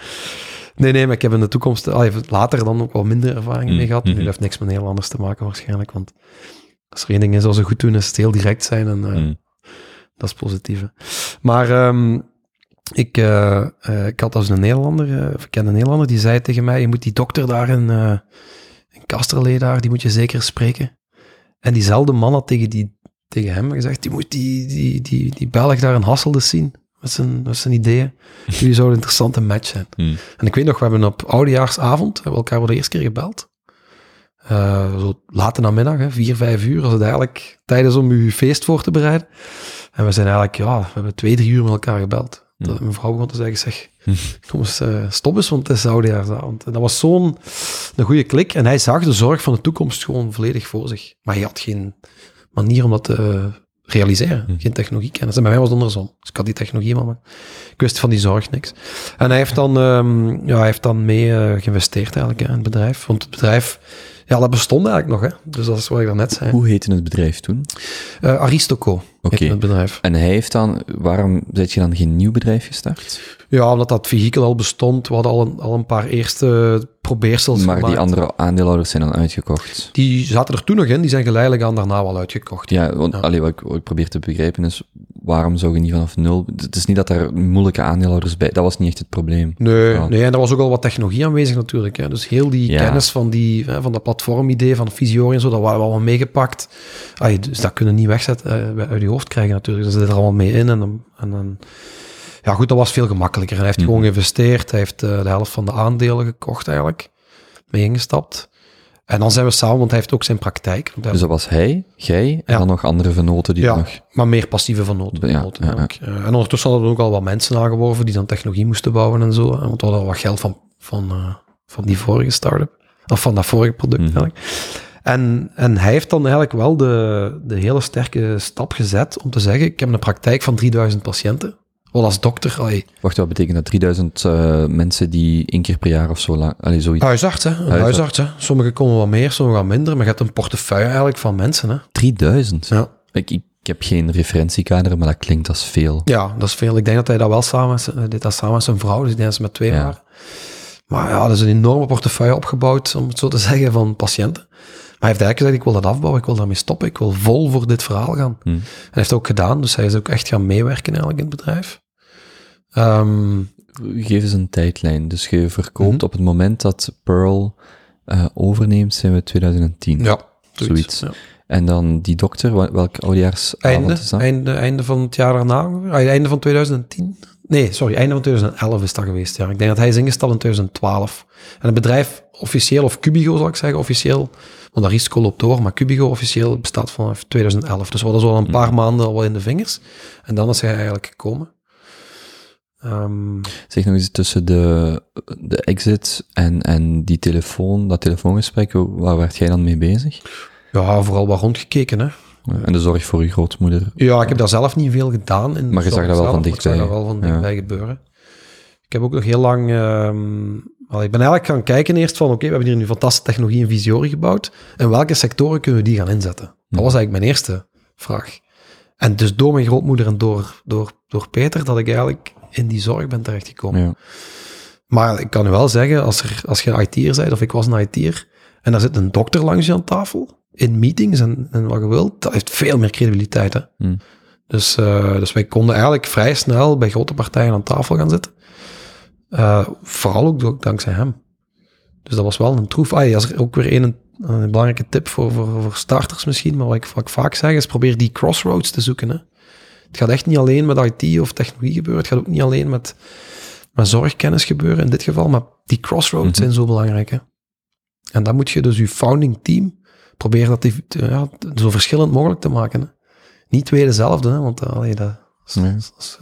heeft heeft. Heeft, sluit ook niet aan bij zorg dat u, uw founders of, of de mensen, de, de belangrijke rollen in uw bedrijf, dat ook niet te veel overlapt. Geeft ieder zijn eigen, zijn eigen verantwoordelijkheid om... Ja.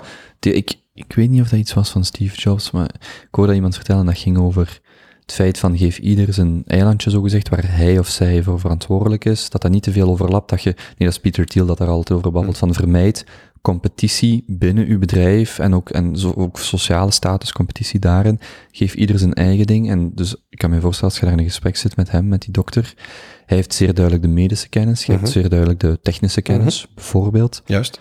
En die zijn zeer complementair, maar die overlappen elkaar niet, want dan creëert je mogelijk een situatie van, het was wel mijn idee, of het was... Ja. Klopt helemaal. Ja. Ja. Nu goed, dat is uit eigen ervaring. Hè. Ik bedoel, er zijn waarschijnlijk heel veel bedrijven die succesvol zijn met, met twee of drie mensen die hetzelfde doen. Maar Hmm. ik denk dat dat nog altijd beter is als je zoveel mogelijk uit elkaar je competenties gaat zoeken eigenlijk. Even, ehm had toen ook net uw eerste kind, rond die periode. Elena is geboren in 2011.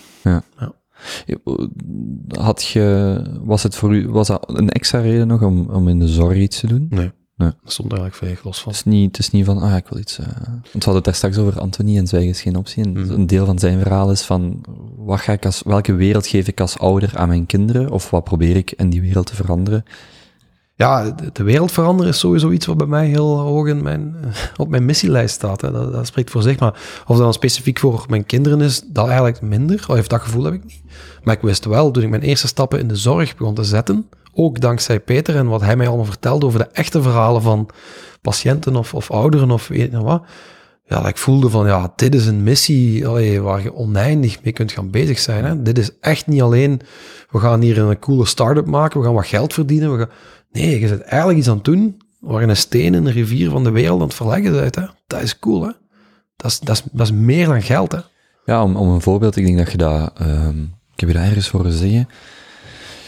Ja, dat is zoiets simpels, maar dat is zo fundamenteel dat je aan de hand van je platform, aan de hand van Cubio, als kind of zorgverlener kunt zien wat zijn de dode momenten in iemand zijn week. Ja. En dat is zoiets simpels dat je, wij merken dat, eh, mijn moeder is voetvrouw, dus wij, wij krijgen wel van thuis uit, hebben mijn broer en ik heel veel, zo dat zorgzame meegekregen en, en attent zijn voor, voor mensen in die fase van hun, allee, Mhm. al, elke fase, maar vooral in die fase. En dat zij ook, ik, ik herinner mij dat ze heel vaak zegt, eh, of zij, van ga niet op een zondag wanneer iedereen gaat, ga op een maandag of een dinsdag wanneer dat er niemand is. En dat, dat is zoiets, wij hebben dus die, die, letterlijk die fysieke, sorry, we hebben die, we hebben letterlijk die korte band daarmee, dus iemand dat dat letterlijk tegen ons zegt. Maar dat is iets wat je in een app kunt tonen, van dit zijn de dode momenten, ga dan. En niet wanneer al de, en dat is zoiets eenvoudigs, maar daar, daar maakt je mensen hun leven, los nog van het is een coole start-up, maar daar maak je effectief een verschil mee mensen Voilà. dagen. Absoluut. Kwalitatief. En dat is wel, Ja. En dat is ook waar ik, waar ik zo in geloof dat technologie kan brengen. Hè. Het zijn net dat soort voordelen die je de dag van vandaag met telefoon en papier niet hebt. Mhm. Omdat het, de informatie zit gewoon op allerlei verschillende plaatsen en je krijgt die niet bij elkaar. Technologie brengt die bij elkaar en geeft u eigenlijk inzichten die je dan weer kunt gebruiken in de, in de real life, zal ik zeggen, om, om het gewoon beter te maken. Mhm. Dus het, is, het gaat- het gaat echt niet over technologie als het doel. Hè. Het is echt het middel om je leven te verbeteren. Dat, dat is wel de rode draad, ja. Hoe zijn dan die begindagen van Cubigo eh, gegaan? Ja, in het begin leek dat allemaal eh, goed. Hè? In de zin van, we zitten in een, in een, in een niche-markt die groeit. Eh, we hebben een, een zeer complementair team. We hebben een goede voorhistorie, dus we hebben al wat, al wat kilometers op de teller, noem maar op.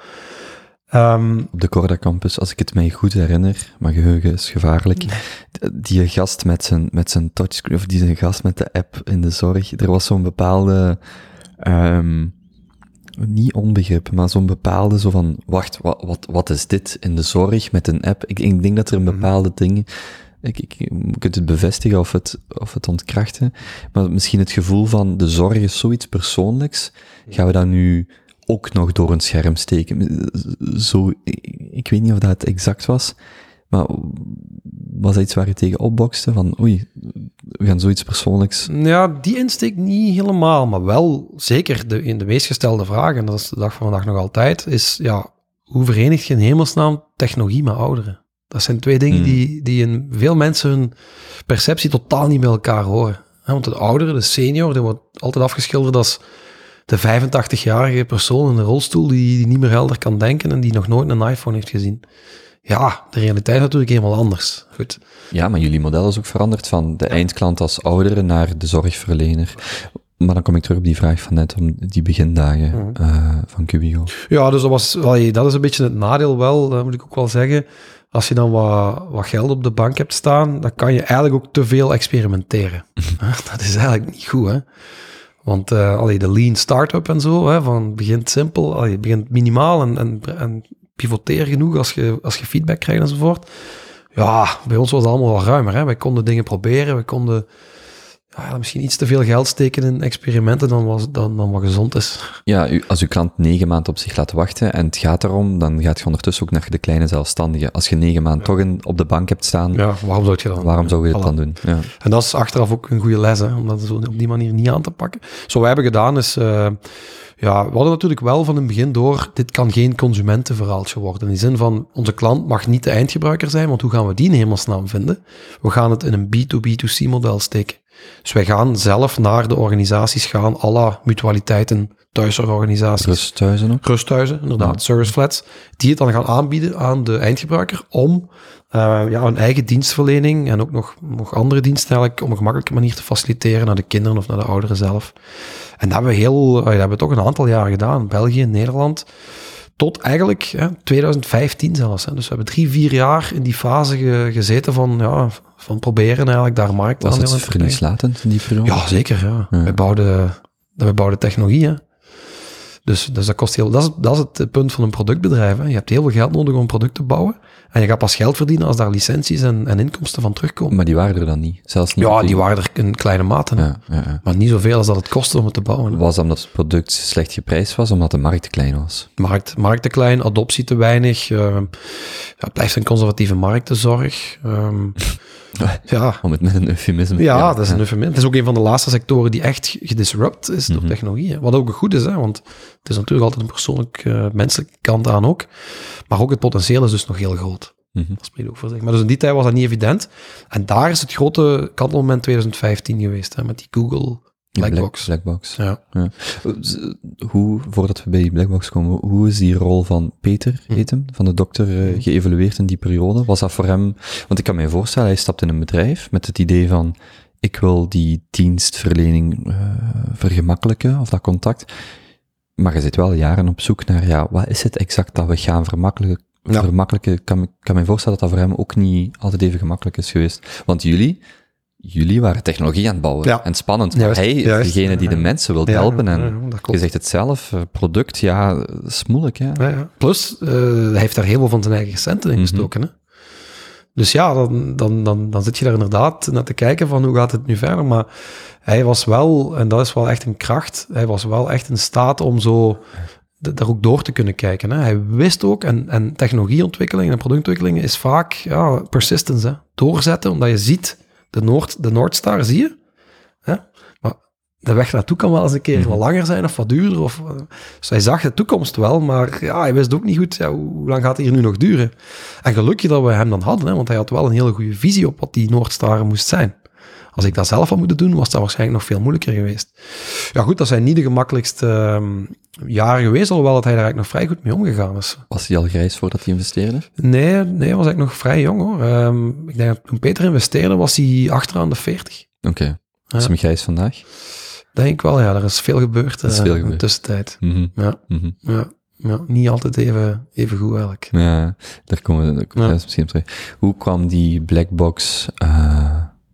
Nominatie of uitnodiging? Ja, dus dat is eigenlijk als volgt. Hè. Dus we hebben eigenlijk in 2014 hebben wij eigenlijk de eerste stap naar Amerika gezet. Dus dat, dat was toen in die tijd nog met, eh, nou, nu bestaat dat nog, hè, maar dat is met FIT, Flanders Investment and Trade, die eigenlijk vanuit de overheid een, organisatie die eh, bezig is om eh, bedrijven te laten exporteren naar het buitenland. En dat te vergemakkelijken en te ondersteunen.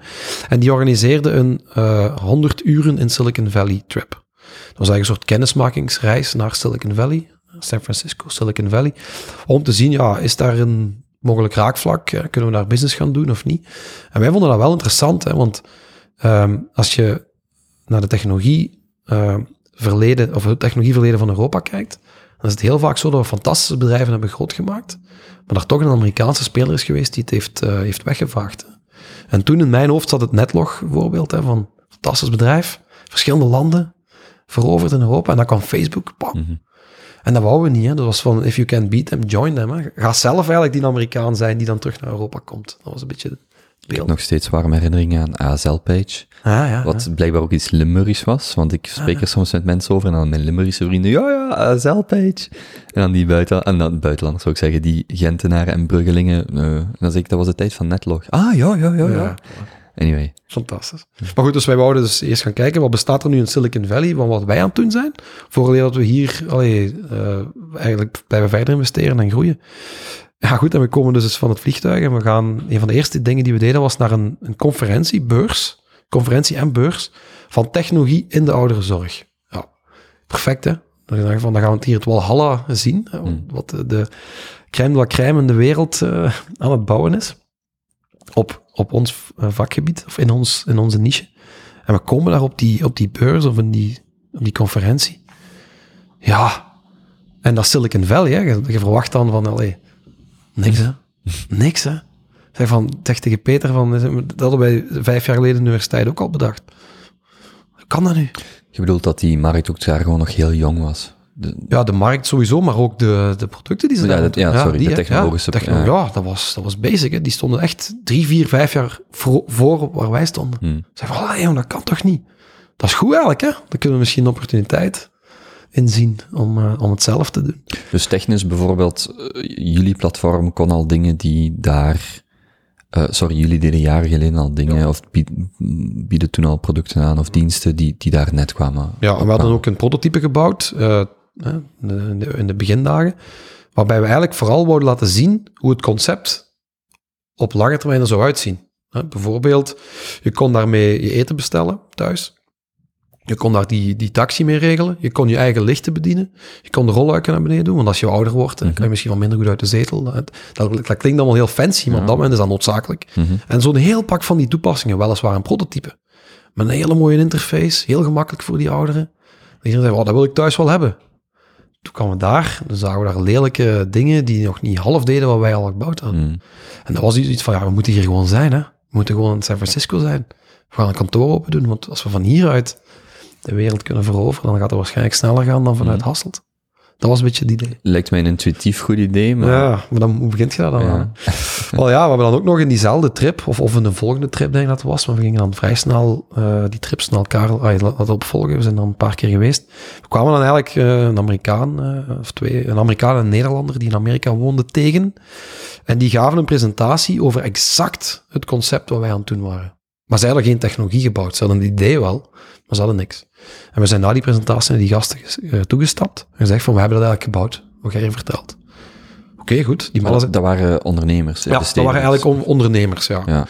Ja, en die zijn dan naar België gekomen. Die zijn dan een aantal klanten komen bezoeken bij ons. Die hebben het product bekeken en die hebben gezegd, ja, dit is eigenlijk wat wij nodig hebben. En dan zijn we de Amerikaanse Cubigo-vennootschap, Cubigo Inc., zijn we dan gestart met hun. Dus die hebben opgericht eigenlijk. Met, En dat is, een doch, dat is Ja, juridisch dat- gezien een dochterbedrijf van. eh, ja, waarbij dat zij dan ook wat aandelen kregen in dat bedrijf. En dan zijn we in de Amerikaanse ja, eh, business development eh, gest- gestart. En dat was een organisatie in, in San Francisco, die heette Aging 2.0, Aging 2.0. Wat eigenlijk een wereldwijde be- beweging is om technologie en ouderenzorg bij elkaar te brengen. En dat waren, dat waren goede vrienden, om het zo te zeggen, van Google. Of goede, goede connecties met Google. En ieder jaar, Google heeft zo'n heel netwerk van allemaal die organisaties, wereldwijd, in alle sectoren. En ieder jaar eh stuurde die, die, die, die, die organisatie stuurde ja, inflow van nieuwe start-ups en nieuwe spelers op de markt, en, en eh, dus New Kids on the Block, stuurden zij naar Google en naar Blackbox. Hè, want Blackbox wordt eigenlijk gefund door, door Google. Om te gaan zien, oké, wie zijn hier nu de interessante bedrijven? En dan kregen wij op bepaald moment eh, een brief van Google, was ook net op oudejaarsavond. Ik weet niet wat ik met oudejaar heb, maar... En dat was 2014 oudejaar, hè, dus eh, vier jaar na Peter. Eh, of drie jaar na Peter. En daar stond in, ja, je bent geselecteerd. One of the 15 most promising startups in the world. En het idee was, dus foreign founders, hè, dus buitenlandse oprichters, naar Silicon Valley te halen. In 15 verschillende sectoren. En die mensen twee weken lang een soort ja, bootcamp. laten volgen. 15 in 15 sectoren of één in elke sector? Ja, dus ja, ja, één in elke sector. Eén in, één in 15 sectoren. Ja, 15 ja. sectoren. Ik denk ook 15 verschillende landen, want ik denk niet dat er eh, veel bij waren van hetzelfde land. Mhm.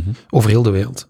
Twee weken lang in een, in een heel grote villa. Maar wist je dat je overwogen werd? Had je jezelf daarvoor kandidaat moeten stellen? Ehm, nee, ik denk dat ze wel de toestemming gevraagd hadden aan ons om ons door te geven. Zoiets is dat Ja. geweest. Hè? Dus die Aging 2.0 die dan zegt... zegt daar ja op. ja, je zegt daar ja op. ja. Maar je denkt, ja, hoe kan ik Ja, dat nu in ja, hemelsnaam ooit winnen? En dan krijg je ineens een brief. krijg je die brief. Ja. En zegt uw vrouw, "Ko, het is oudejaarsavond. Je zegt, nee, wacht. Wacht, ik wil die brief lezen. Ja, je wilt die dan ook lezen. Je leest die ook natuurlijk. Maar... Mhm. En dan twee maanden later staat hij dan eh, in San Francisco samen met die veertien andere mensen in een, eh, grote, een grote villa, waar je twee weken lang eigenlijk een bootcamp krijgt. Bekende ondernemers, eh, investeerders, eh, noem maar op, die dan allemaal voorbij komen. En die een soort crash course, how to, uh, how to survive in Silicon Valley eigenlijk geven. Mm. Of en vooral ook, hoe gaan wij hier om met het bouwen van startups versus in al die andere landen van de wereld waar jij vandaan komt. Even tussendoor, heb je ooit Paul Graham van Y Combinator eh, ontmoet of gezien? Um, ik heb die wel eens gezien, ja. Maar dat is, dat is al een tijdje geleden. Dat is een aantal jaar geleden. Ik ben zeer goed in het niet fanboyen, maar met uh, Paul Graham, uh, daar kan ik straks misschien op terugkomen, Ah, ja. maar uh, dat is ook heel fancy gevonden. Anyway. Ja, ja, ik heb die wel eens gezien. Maar dat was samen met een aantal andere mensen. Ja. Zo, als, Ja. ik, als ik mag kiezen tussen, wilt je een Elon Musk of een die en of die? Ik zou nee, Paul Graham. Ja. Die zou ik eens wel zien. Allee, anyway. Ja, ik heb er toen heel veel gezien. eh. Ja, zo. Oh ja, dat was heel boeiend. En, en vooral ook omdat je daar pas beseft dat je, eh, ja, dat je eigenlijk een Belg onder de kerktoren zit. Hè. Ja, je wordt echt uit je, uit je eigen kokon of bubbel gehaald. En, en is, is, is een beetje gelijk, eh, ik was over laatst iemand aan het vertellen, als je eens naar een land reist bijvoorbeeld waar heel veel armoede is. Of heel veel rijkdom. Hè? En, en je wordt echt uit je bubbel gehaald en je ziet dus van, ah ja, eh, wow, dit is helemaal anders. En bijvoorbeeld als je aan Silicon Valley zit, dat je, wow, de manier waar ik, waarop ik over mijn bedrijf denk, ja, dat is hier gewoon drie werelden van verschil. En dat daar wel, ja, Ja. dat je soms echt eh, doorheen, door elkaar geschud wordt. Hè? Ja. Dus van, wow. Ja, en, en ze doen daar ook natuurlijk om, hè, want ze, ze drukken nu ook met de neus op de feiten. Want de eerste dag, de allereerste dag, ik weet het nog goed, de allereerste keer dat je, dat je samen zit in die ruimte, is het van om de beurt recht staan en op twee minuten je bedrijf pitchen. Ja. En de American way eigenlijk. Hè. Mhm. Ja, dan staan ze daar en zijn ze nog zo groot. Hè. Mhm. En dan kom je eigenlijk gewoon tot de conclusie, ja, dat is niet goed, hè. Dat is niet goed genoeg, hè. en dan beginnen ze eigenlijk aan een, aan een traject, een rode draad door die twee weken was, ja, leer je bedrijf deftig te pitchen. Ja, en dan zijn er heel veel mensen die daar dan bij komen en je komen helpen en zo, maar dat was echt een... Ik heb eigenlijk na die pitch daar toen gewoon gezegd van, wow, wat een bullshit eigenlijk. Ik pak gewoon een wit blad. Ik ga gewoon helemaal opnieuw beginnen. Ik ga gewoon heel die, die narrative en die, en die pitch eigenlijk opnieuw schrijven. Maar goed, ja, dat was toen nog in 2015. En ondertussen is, dan, is Cubigo nog wel, nog wel wat geëvolueerd. Maar dat was wel, en wat het effect vooral was, want we hebben toen op dat moment natuurlijk heel veel media-aandacht Mhm. gekregen. Nieuwsuitzendingen, alle kranten, overal konden, kon ik naartoe, is dat opeens heel België nu kent. En vooral heel veel potentiële klanten van ons, zoals de grote mutualiteiten, hè, zorgverzekeraars enzovoort, eigenlijk een beetje wakker schoten en zeiden van oeh, nu zit er een Belgisch bedrijf ineens bij Google in San Francisco en wij hebben eigenlijk nog niet mee samengewerkt, hoe kan dat nu? Dus we kregen opeens heel veel inflow van nieuwe contacten en mensen die ons zouden zien. En daar zijn een paar grote deals uitgekomen, grote contracten met CM onder andere, de grootste zorgverzekeraar hier. KBC, uh, ja, thuisorganisaties. Dat was, eigenlijk, dat was eigenlijk het effect. Dat we eigenlijk toen serieus genomen werden. En nog steeds verlieslatend? Is Toen wel nog, hè, ja, ja. En ook het half jaar of het jaar na die blackbox eh, weken? Ja, ja. Allee, dat draait je niet op een dag op de andere om. Hè. Je Nee, maar ook niet op een jaar bijvoorbeeld? Als je dan die, die nieuwe klanten of contracten Nee, omdat wij dan natuurlijk ook bleven bouwen aan het product. hè. Het is niet dat het product klaar was en dan zei je van, nu stop het. Nu hebben we een stoel gemaakt en die stoel gaan we nu verkopen. Ja, nee, dat is een, een always evolving ding. hè. Eh, met hoeveel man zaten jullie toen jij naar San Francisco ging? Om, uh, grote Vijftien. orde. Vijftien, Ja. ja. in de Corda campus. Ja, nou, we hebben heel lang in Diemenbeek op het wetenschapspark gezeten. We zijn pas naar Corda verhuisd, 2016 denk ik. Je had daar toch achterin op het eerste een kantoortje? Wel ja, maar dat is pas vanaf, of 15, Ja, is dat, eh, 14, 15, ja 16. ik, herinner, ik herinner dat ik daar eens ben binnengestruikeld. Allee, gewandeld, ik zat verkeerd. Dat jij daar toen zat, maar ja, in ieder geval, je- maar je hebt dus eh, op de wetenschapscampus gezeten. Wetenschapspark. Wetenschapspark. Ja, ja, ja. Die, eh, wanneer is dan die overgang gekomen van eh, een product maken voor de eindklant Ja. versus voor de zorgverlening? Ja, ehm, dus wat gebeurde er? Dus 2015 is die, is die blackbox. Eh 16 komt daar een hele grote... Allee, hebben we al die grote contracten en zo kunnen afsluiten. En dan eh, met, met dat heel verhaal zijn we dan eigenlijk naar de investeringsmarkt gegaan. En gezegd, we moeten kapitaal ophalen, want nu, nu moeten we doorgroeien. Wacht, hoe, hoe was het verhaal ondertussen in San Francisco? Vond je daar de markt die je probeerde te zoeken? De, mm, de focus daar was, en dat is eigenlijk degene die ze nu is, die was daar eigenlijk gericht op de intramurale zorg. Hè? Dus de zorg op CITES. Hè, De Amerikaan is gewoon, als hij ouder wordt, hè, vanaf 65, 70, om te verhuizen naar een, ja, dat is bijna een park, een mooi park, waar dat eh, allerlei gebouwen liggen, waar mensen eh, verzorgd worden. En als je 65 bent, is dat een heel mooi appartementje. Maar als je bepaalde dienst nodig hebt, dan kunnen we dat gemakkelijk afnemen. Dat is het model daar. En dus thuiszorg is veel moeilijker te organiseren in Amerika, ook door de afstanden. En, eh, het, ver- het, eh, het, terugbetaalmodel bestaat niet zoals hier en zo. Het is allemaal private pay bijna. En wat eh, de mindere kant is van de zorg, want het is volledig gecommercialiseerd.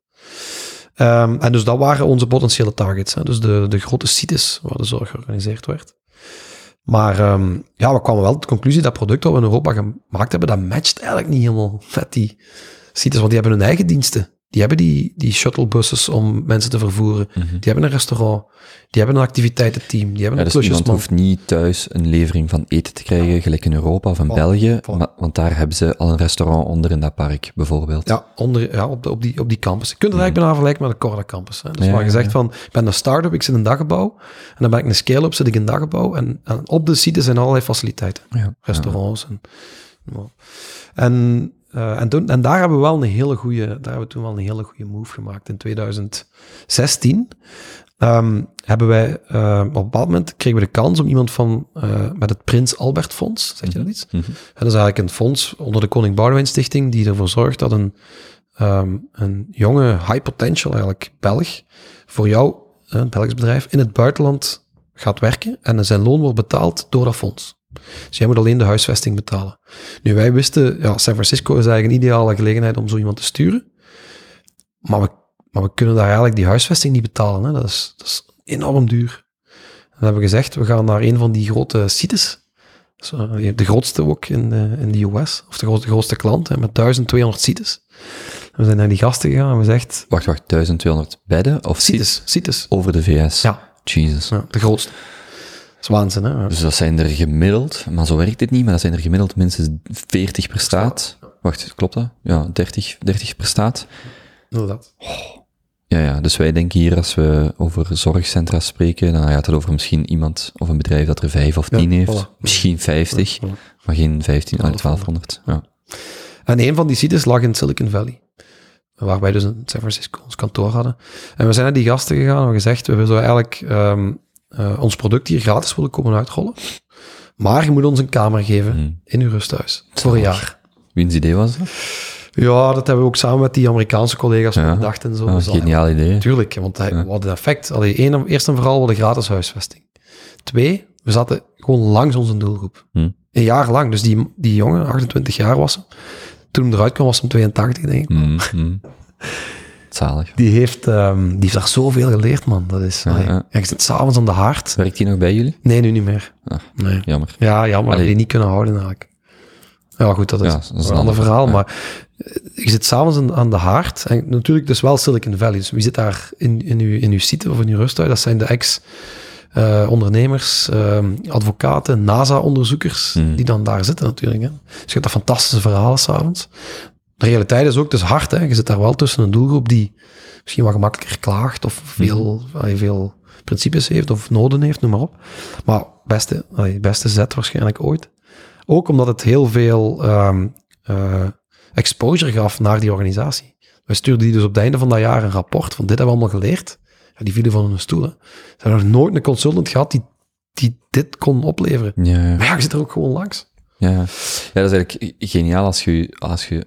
Wat gebeurt er als je een jaar lang een 28-jarige in een rusthuis zet? Ja. Ja. daar kan niet anders dan geweldige feedback of input uitkomen. Ja. Nu, de realiteit was ook wel na dat jaar dat we beseften van ja, dat product van Europa, ja, gasten, daar kunnen hier eigenlijk niks mee doen. Hè. Dat moeten we echt helemaal anders aanpakken. En dan zijn we rond zo 2017. En dan is eigenlijk eh, onze grote investeringsronde gekomen. Dus toen hebben we 4,5 miljoen. Amerikaanse Nee, investeringen. Belgisch. Belgisch. Belgisch, ja. Mag jij dat zo weten? Ik vergeet- Voorbij van deur. Ja, ja, ja, ja. Ja. Wacht, en dat was in het moederbedrijf Cubio, niet in Cubio Inc. Moederbedrijf. Ja, ja. Ja. En ja, dat geld hadden we eigenlijk op dat moment ook, ook eh, een stukje nodig om die, ommes, die omslag naar dat nieuw product te maken. Waarbij het dan niet meer alleen voor de thuiszorg werkt, zoals Europa was, maar eigenlijk om zo'n site te runnen. En dan zet je niet meer alleen voor die senior iets aan het maken, dan zet je ook iets voor dat personeel of die zorgverlener aan het maken. Want die mensen die zitten nu alles op papier en een Ja, want, dat is dan eh, de, de, de bloeddruk van patiënten, de- of wat, wat, wat doet je daar? Nee, dat is het medische, wat je nu zegt. Ja, ja. Daar proberen we wat, wat van weg te blijven. Hè. We zijn eigenlijk bezig met alle comfort eh, en eh, hospitality services. bijvoorbeeld, er is, een, er is een reparatie dat in een kamer moet gebeuren. Ja, reparatie, inschrijven op activiteiten, het bestellen van eten, ehm een. Notitieboek boek of, ja, Ja, ja, maar ook, we hebben bijvoorbeeld een digital signage toepassing. Hè. Dat zijn grote tv's, die hangen op.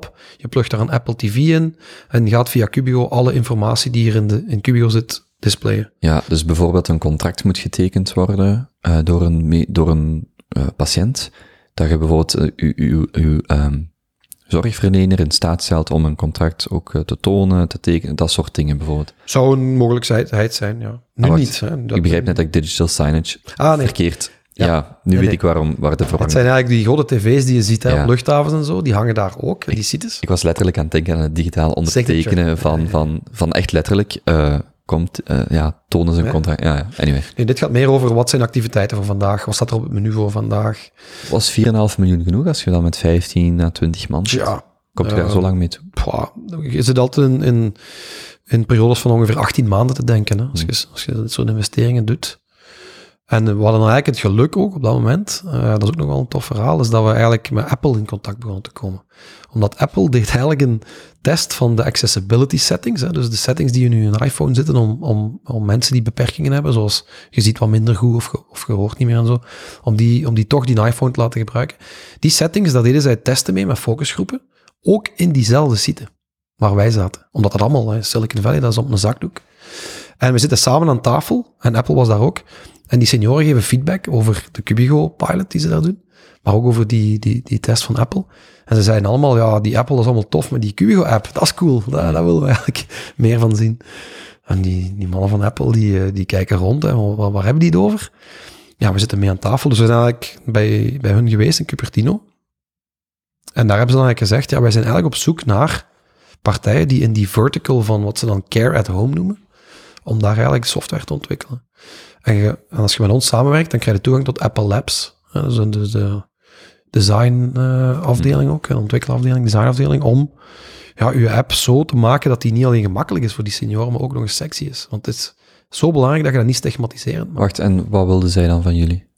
Data. Wel, Nee, de, de clue is dat eh, als jij samenwerkt met hun om een zeer goede app te maken voor hun eh, platform, hè, iOS, ja, dat ze dan daardoor ook meer hardware verkopen. Hè. Hm. Want ehm, Zijn ze zo liefdadig?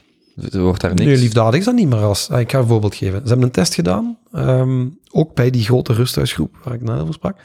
Ik geloof dat ze daar 4.000 of 5.000 iPads hebben verkocht, of, of gegeven, om die aan senioren uit te delen als die eh, kwamen inwonen, als een soort welkomstcadeau. Die mensen die pakken die iPad, die doen die aan, eh, doen die open, die doen ze op de foto-app, eh, eens een keer op de e-mail. Ja, en na 10 minuten ligt die waarschijnlijk in de kast. Mhm. Als je dan kunt zorgen dat er een app op staat, waarmee die mensen meteen kunnen zien welke activiteiten er zijn, klusjes bestellen, hun eten eh, reserveren, noem maar allemaal op, ja, dan krijgt dat ding een waarde voor hun. En het gevolg is... En er dat was die- geen enkele app of bedrijf Nee. dat dat aanbood? Dat Wel, ze hebben heel lang de markt gescand en zijn uiteindelijk, hebben ze ons gekozen als hun geprefereerde, ja. hun partner Ja, daarin. ja. En dat is niet alleen qua ontwikkeling dat we samenwerken, we doen ook heel veel sales- en marketingactiviteiten. Dus bijvoorbeeld, ik ben nu net terug van Canada. We hebben een event georganiseerd, samen met hun, ehm, waarbij dat er ongeveer ja, 40, 50 beslissingsnemers, dus hè, in Amerika heet dat C-level. C-level mensen worden uitgenodigd. Ehm, en waarbij Apple een presentatie geeft over de visie van Apple op de gezondheidszorg en hoe dat technologie daarin kan eh, gaan een rol spelen. En dan komt Cubigo en wij zeggen, en hoe begint je daar nu morgen aan, of vandaag? Ja, dat is natuurlijk qua exposure en credibiliteit gigantisch. En daar heb je ook nodig als je klein Belgisch bedrijf bent, om in Amerika bij de grote jongens te willen meedoen. Hoe is het met Peter vergaan? Dus Peter, ja goed, dat is dus in dan 2017 erbij stapt in. Ehm, ja, en dan begint je toch, dan begonnen we eigenlijk toch stilaan zo wat, ehm, eh, hoe zal ik het zeggen, ru- ja, ruimte tussen ons te zien. Hè? Dus we begonnen met elkaar te drijven.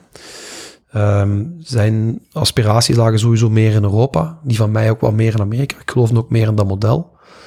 Ehm, ja, en dan begint je zo, ja, zal ik zeggen, uit elkaar te gaan, eh, wat andere visies te ontwikkelen. En op een bepaald moment heeft hij dan gezegd, ja, zie ik hier nog wel een toekomst in voor mijzelf? Ehm, en hebben we daar heel veel over, over gepraat, ook gediscussieerd en zo, en dit en dat. En uiteindelijk is, er dan, is hij er dan uitgestapt.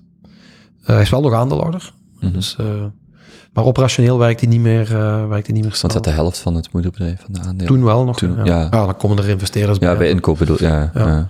Dus hij is er nu uitgestapt. Ehm, ja, dat is ook wel niet altijd gemakkelijk hoor, want eh, je hebt natuurlijk ook een persoonlijke band Mhm. opgebouwd. En als je dan persoonlijk en Maar ook, je zakelijk... zit jaren be- Allee, Ja. je zit zes, zeven, acht jaar bezig. Dat is niet...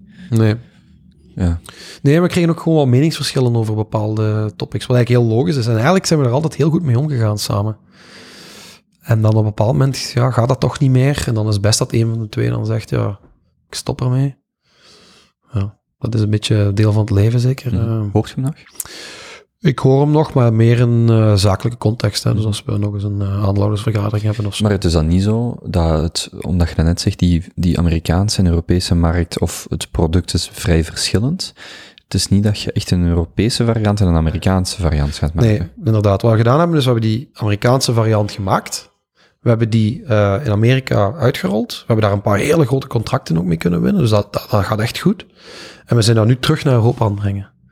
Dus we hebben nu een, in oktober een eerste contract in Londen, in de UK, Mhm. eh, binnengehaald. Maar dat is hetzelfde, dat is het Amerikaanse model. Ja, dat is eigenlijk het Amerikaans model. Dus dat zijn eigenlijk, eh, in, Amer in eh, Engeland heet dat villages. Dat zijn allemaal huisjes die op één site liggen. En die eigenlijk ja, een soort intramurale zorgvorm zijn. Een soort service flat, kan je het noemen. Hè. Het is eigenlijk wel in België de service flat zijn. Ik was aan het denken centerparks voor ouderen, Ja. omdat je zo die villages gebruikt. Inderdaad. En in België, ja goed, wij hebben natuurlijk ook heel veel toepassingen die je zelfs in een traditioneel rusthuis kan gebruiken. Alleen zal daar de resident zelf niet meer van gebruik maken, maar wel de familie bijvoorbeeld, om op te volgen hoe het gaat. Maar het verhaal begint bij jij die je grootmoeder, Ja. die thuis wil blijven. Ja. Eh, daar start het verhaal, maar daar gaat het eigenlijk van weg. Van die Nee, want dat gaat ook. Dat is goed dat je dat vraagt, want daar gaat het wel terug naartoe. Ik ga je uitleggen wat ik bedoel. Eerst en vooral, in Amerika is thuis voor die mensen op die site.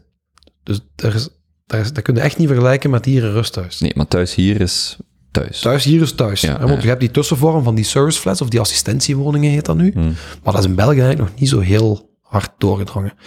Als je die site gaat bekijken, bijvoorbeeld een rusthuissite in België, dan is dat eigenlijk een ideaal model om van daaruit, en we noemen dat een soort hub te zijn, om mensen die in een straal van bijvoorbeeld 15 kilometer rond die site wonen, om die toch gewoon thuis te laten blijven wonen, maar wel diensten en bepaalde services te geven vanuit die site. Of de mensen die jaren op een wachtlijst staan. Voilà. Dat is Dat is, ja, dat je zegt, je staat nu al op een wachtlijst, we kunnen u pas over drie jaar een plaats geven, maar we kunnen u wel ondertussen helpen. ontzorgen. En hoe doe je dat? Met technologie. Dat is de enige manier om dat efficiënt te doen. Je geeft die mensen een iPad of je geeft die kinderen een, een app, zodat zij eigenlijk gewoon alles kunnen regelen en opvolgen. Hmm. Maar, de, maar je hebt al een keuken op die site, hè? En je hebt al een klusjesman. Dus Dat dat, is gemakkelijker. Dus dat iemand, dus dat eigenlijk de, het rusthuis wordt dan de hub met de klusjesman, de dokter, enzovoort en zo verder. Voor eh, zowel de mensen die daar zitten, maar dan ook de mensen die bijvoorbeeld op de wachtlijst of op een straal van zoveel kilometer wonen. Juist. Hmm. En zo virtualiseert je eigenlijk je kamers. en in plaats van Ja. dat je gaat groeien door bij te bouwen, wat zeer moeilijk is, Ja, ga je eigenlijk gewoon ja, nieuwe klanten maken. ja je, trekt je assistentie breder, breder dan louter die village of dat rusthuis, maar ook naar de mensen die nog thuis kunnen blijven. Ja, en dan is mijn missie terug ingevuld. Ja, ja, want op, voor een moment dacht ik van, ja, wacht eens, die, die, die worden overgeslagen, maar dat is dan niet. Hoe, is het moeilijk om die, bestaat die markt al in België? Of is dat echt een markt dat je moet maken? Ja, die moeten we nog maken, maar dat begint. Hè. En dus je ziet dat dus overal, in Canada, in Amerika, in Engeland, België.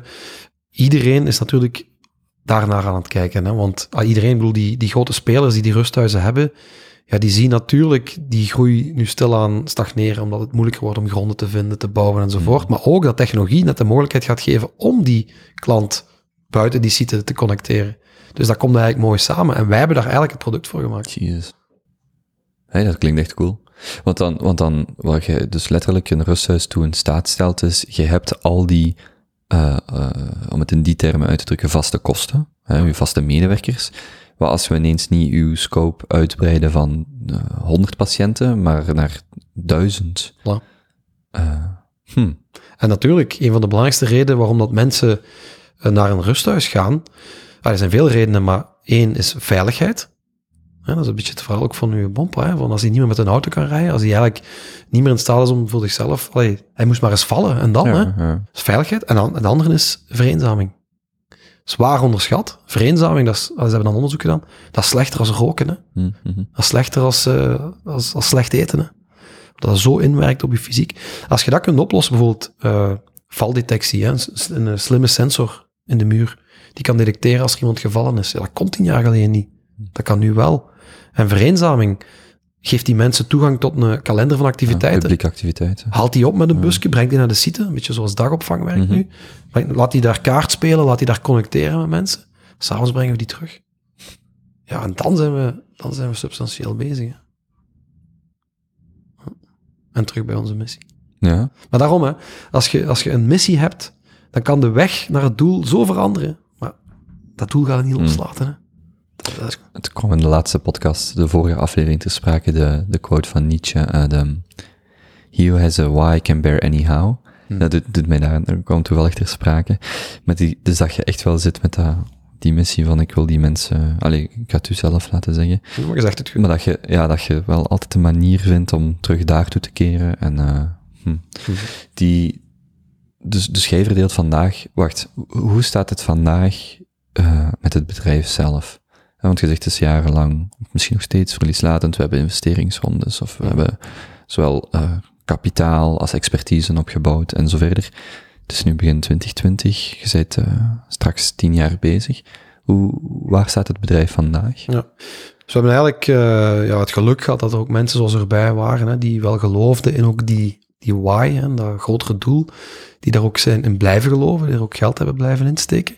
En nu hebben we eigenlijk een product dat klaar is. Dat kan altijd uitgebreid worden, dat doen we ook natuurlijk, maar dat is klaar om in, in heel veel sites in Amerika uitgerold te worden. Dus we gaan einde van dit jaar gaan we ongeveer naar 100 sites, waar- waarin Cubico draait. Met site bedoelt je, je, gaf daar straks dat voorbeeld van dat bedrijf, die hebben 1200 sites, dus Ja. nu zit je bij verschillende bedrijven, Ja. die 100 sites zijn verschillende, Ja. pardon, En, bedrijven. en die hebben allemaal groeimogelijkheden, want die beginnen natuurlijk niet in één keer in 100 sites, of in 10 sites, of hetzelfde, als, 50. hetzelfde als Pearl, die beginnen met één of twee in één winkels. winkel, voilà, en, dat, en die, die testen hoe dat werkt, hè, en hoe ze dat kunnen integreren, en hup, die rollen dat uit. Dus we hebben eigenlijk al een pak van die grote klanten die dat allemaal gaan uitrollen eigenlijk in hun sites. Tegelijkertijd voegen we nu hè, dus Engeland en, en Europa toe. Ehm, en, dat, en dat is een, een mooi groeimodel, want je bouwt één keer dat product en je verkoopt het eigenlijk in een licentiemodel aan die klant. En die krijgt daar een efficiëntere werking door. Die heeft gelukkigere mensen. Die voelen zich beter empowered. Die familie is blijer, hè, want die krijgen allerlei updates. Dus dat is eigenlijk een win-win-win voor iedereen. want je verkoopt een licentie. Voilà, voilà. Dus daar hebben we eindelijk onze product market fit Mhm. zeer goed gevonden, zal ik het zo zeggen. Ja goed, en dan is er natuurlijk uh, van daaruit een oneindige uitbreidingsmogelijkheid. Niet alleen strategisch naar die thuiszorg, of naar die mens die thuis woont, maar ook in allerlei toepassingen. Hè. Bijvoorbeeld, klinkt misschien nu weer heel ver van ons bed, maar in Amerika is de, de smart speaker is zeer populair. De Amazon Alexa, of de Google Of de uh, Echo en de Alexa. Voilà. Ja. Ja, voilà. Of Echo, die dan Alexa Ja. gebruikt. Um, wat hebben wij nu gemaakt? We hebben nu een app gemaakt voor die smart speaker. Dus een senior die morgen zegt, ja, ik, ik bibber een beetje, hè, want ik begin zo al last te krijgen van, van Parkinson of. Ik kan niet meer zo goed met, een met technologie om, of met een iPad. Die zet daar gewoon een smart speaker en die kan zeggen, hey Cubigo, what's on the menu for today? Hup, en die vertelt gewoon, dit is vandaag het menu. En wij weten al wat die, wat die persoon graag eet. Hmm. Dus we kunnen dat highlighten. We weten ook dat hij in een rolstoel zit. Dus als wij activiteitensuggesties doen, dan gaan wij niet zeggen, je kunt gaan lopen straks of gaan joggen. Eh, Dus ook die personalisering door middel van technologie. Hoe gevaarlijk is het dat jullie zo platformafhankelijk zijn? Of die, nee, niet platformafhankelijk, maar zo nauw met Apple Ja, daarop dat is een inspelen? goede vraag. Hè. Wat wij doen is eigenlijk, dat is heel duidelijk, voor de eindgebruiker, dus de senior en de familie, dus de echt eh, en de consumer, daar draait Cubigo op alle platformen. Apple, Android, Windows. Voor de professional, dus de zorgverlener en degene die op de site werkt, de klusjesman, de ober in het restaurant enzovoort, daar is, het, daar is de focus op Apple. Dus als zij bijvoorbeeld in de dining room eh, de Cubigo app gebruiken om te, een bestellingen door te geven, dan weten wij natuurlijk dat eh, bijvoorbeeld Kobe aan tafel zit en alles wat jij bestelt wordt ook getracked en we kunnen perfect zien eh, hoe dat jouw patronen op, op, op evolueren en hoeveel dat je eet enzovoort. Maar dat zijn Apple-toestellen. Dus daar kiezen we eigenlijk voor Apple. En die on- onafhankelijkheid is, of die afhankelijkheid is niet erg, omdat het bedrijf zelf kan kiezen welke technologie dat zij Mhm. gebruiken. En dat wil niet zeggen dat wij misschien in de toekomst daar een- niet een Android of een Windows versie van kunnen Ik heb geen exclusiviteitsverbinding. Nee, wij moeten alleen zorgen dat wij op de verschillende platformen, zoals de Apple Watch, de Apple TV, de iPad, de iPhone, dat we daar een applicatie op Mhm. hebben. Maar als morgen een, een, een, een, een site, of sorry, een, een groep zegt, met bijvoorbeeld 500 sites, wij gaan investeren in eh, Android tablets, Ja. dat kan voor jullie perfect. Ja, dan bouwen wij diezelfde app voor het personeel Ja. eh, aan de interface, want er zit natuurlijk heel veel achter wat één keer moet gebouwd worden, maar de interface moet dan even Android worden. En dat is allemaal niet zo, Mhm. niet zo moeilijk. Nee. Eh, verkopen jullie data? Of is data winstgevend? Vraag, hè. Data is echt allee, in deze markt zo interessant. Ja, want gewoon al, en dan sluiten we, Ja. vermelden Davy Kestens van vroeger. Ja. Ehm, inzicht voor bijvoorbeeld een CM, we houden het hier gewoon heel lokaal, in Mhm. wat wordt er geëten, Oh, wat is ja. het budget dat gespendeerd wordt, dat zijn allemaal data dat jullie hebben. Tuurlijk, En- want, want dat is natuurlijk ja, eh, de, de, de clue hier. Hè. We zijn een platform. Dus wij integreren al die verschillende silo's die nu bestaan, die services, in één platform. En wij noemen dat de 360 graden view die we kunnen geven over een resident. Dus wij weten hoeveel bezoekers krijgt hem. Eh, wat eet hem, hoeveel eet hem, wanneer gaat hem naar activiteiten. Ehm, dus wij kunnen eigenlijk zeer goed ook predicties gaan maken. Hè.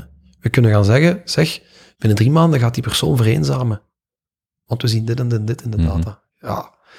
Wat wij nu doen... Na- nachtelijk plassen, gewicht verliezen, ja, hier is misschien diabetes. Nu, dat is ook meteen de, de, de grijze zone tussen waar ligt privacy en waar ligt het goed gebruik van data. Mhm. We willen het goed gebruiken, in het, in het welzijn van, van de persoon, niet in het, in, aan de slechte kant. En wat wij nu doen zijn dashboards maken hè, voor ook corporate bedrijven die kunnen eh sites met elkaar vergelijken, dat Mhm. soort zaken. Mhm. We hebben geen businessplan nu om data te gaan verkopen. Wat wij wel doen Dat gaat komen. wel, verkopen, wij gaan data anonimiseren, sowieso. We gaan nooit persoonlijke data verder dan de bedrijven waarin ze zitten eruit trekken. Maar we gaan die anonimiseren en we kunnen trends geven. We kunnen zeggen, gemiddeld de 75-jarige in die staat, die doet graag dit en die, ai, wat is wat. Kunnen Ja, de restauranthouder in een van die sites kan perfect aan jullie vragen eh, wel, wel- welke menu... Allee, ik bedoel, daar zit... Perfect bedoel ik mee, welke combo's werken beter, hoe Oh, ja. kunnen wij meer naar winstgevendheid toe. Ook, Een site kan perfect aan jullie vragen hoe eh, optimaliseren wij de winstgevendheid. En, en, en ik wil ook allee, duidelijk, het is niet omdat een, een, het, ehm, de insteek of het middel winstgevendheid is, dat daarom ook de zorg minder zou moeten zijn. Het is gewoon, daar zit ergens waarschijnlijk voor jullie een businessmodel en de vraag zal dan zijn hoe, hoe binnen de lijn van wat je wilt doen, je missie, eh, ja, hoe, hoe vind je daar een, een, een, eh, Ja, balansen, hè. Ja, altijd opnieuw, hoe kunnen we technologie inzetten om die, om die persoon zijn leven te verbeteren? Hmm. En nog één voorbeeld waar, waar, waar, we, waar we vaak ook intern over discussiëren. Bijvoorbeeld, wij capteren de interesses van mensen. Dus wij- als je komt wonen in die site, dan kan je op een heel gemakkelijke manier kan je zeggen, ik ben geïnteresseerd in tennis of eh, bridge spelen of whatever, ik speel piano, noem maar op. Dus wij capteren die. Wij geven de vo- volledige verzameling van die, van die data aan de activiteitencoördinator, die makkelijk kan zien hoe moet ik mijn activiteiten hier plannen.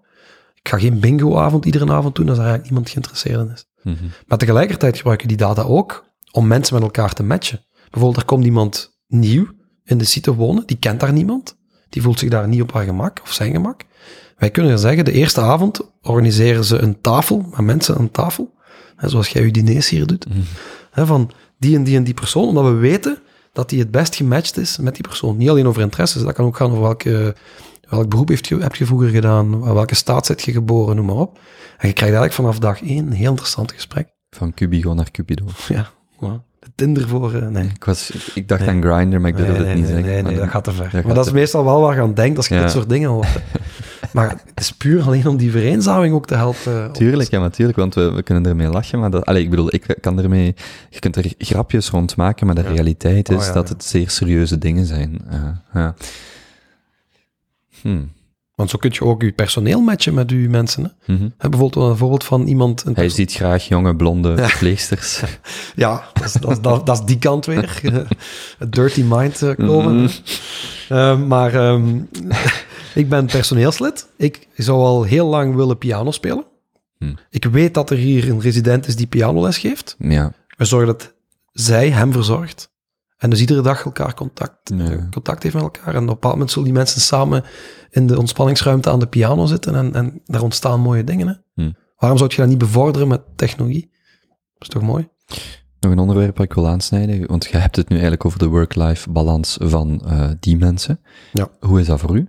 Misschien hoe is de verdeling eh, internationaal België en hoe, eh, hoe is vandaag voor u het zijn, ik, ik, ga meerdere vragen tegelijkertijd stellen, maar ook je zit op een, op een, eh, een golf die je ongeveer tien jaar geleden start. Je hebt ondertussen kinderen. Dat bedrijf groeit, zowel financieel als qua product, als qua geografie. Hoe, hoe was de impact op uw leven? Hoe zet zich dat? Ja, dat is een beetje het probleem, denk ik, van, van mijzelf als persoon. Ik ben, ik ben hyper ambitieus, dus ik wil ook echt die missie najagen en ten koste eigenlijk van heel veel. Wat niet altijd gemakkelijk is natuurlijk, want een van mijn grootste uitdagingen is net die balans. Tussen eh, die, die ene kant missie, eh, de missie aan de ene kant en ook de, de zorg voor mijn familie en de kinderen en zo aan de andere kant. Dus ik worstel daar toch wel, wel wat mee. In die zin dat ik de helft van de tijd in, eh, in het buitenland ben geweest, de laatste twee, meer dan twee jaar. Maar dat betekent echt letterlijk de helft van de tijd. Eh, ja. Ja. Zes maanden per jaar. En meestal is dat twee weken buitenland, twee weken België, of zelfs soms drie weken buitenland, één week België. Hm. Zomervakantie wat minder en zo komt op ongeveer de helft. Ik ga dat dit jaar, ehm, ga ik proberen die balans iets beter te vinden. Dat gaat ook als je een team begint op te bouwen. Hè. We zijn nu al een aantal mensen in Amerika en zo, dus dat begint wel, wel eh, ik kan wat dingen doorgeven. Maar dat is een continue zoektocht, joh. Ja, dat is echt... Ik denk dan soms... Van, mijn kinderen worden ook ouder, hè. Ze zijn nu vier, eh, bijna vier en bijna negen. Dat is oud genoeg om je vader eh, te missen, hè? Ja, Echt toch, te missen. die van negen wel. Want wat, wat, is, wat gebeurt er nu? Dat is ook weer dan een technologie. Ze heeft een e-mailadres gekregen op school. En ze heeft thuis, daar ligt een iPad thuis natuurlijk. Dus die kan mij nu beginnen mailen. Hm. Ja. En dat is heel direct, hè. Dat is heel eerlijk en heel open. Papa, ik mis u. Of papa, zijn er nu weer weg? Hm. Of wat zijn er nu, allee, wat zijn er nu weer aan het doen? Allee, kinderen hebben geen filter, hè. Mhm, mhm. Maar dat brengt u wel even terug met de voet op de grond van, ja, god. Is, het, ja, is die balans oké? Ja, en ook, en wat is dan de balans? Hè? Je kunt dan wel Ja. zeggen, ja, mijn, de balans zit niet goed.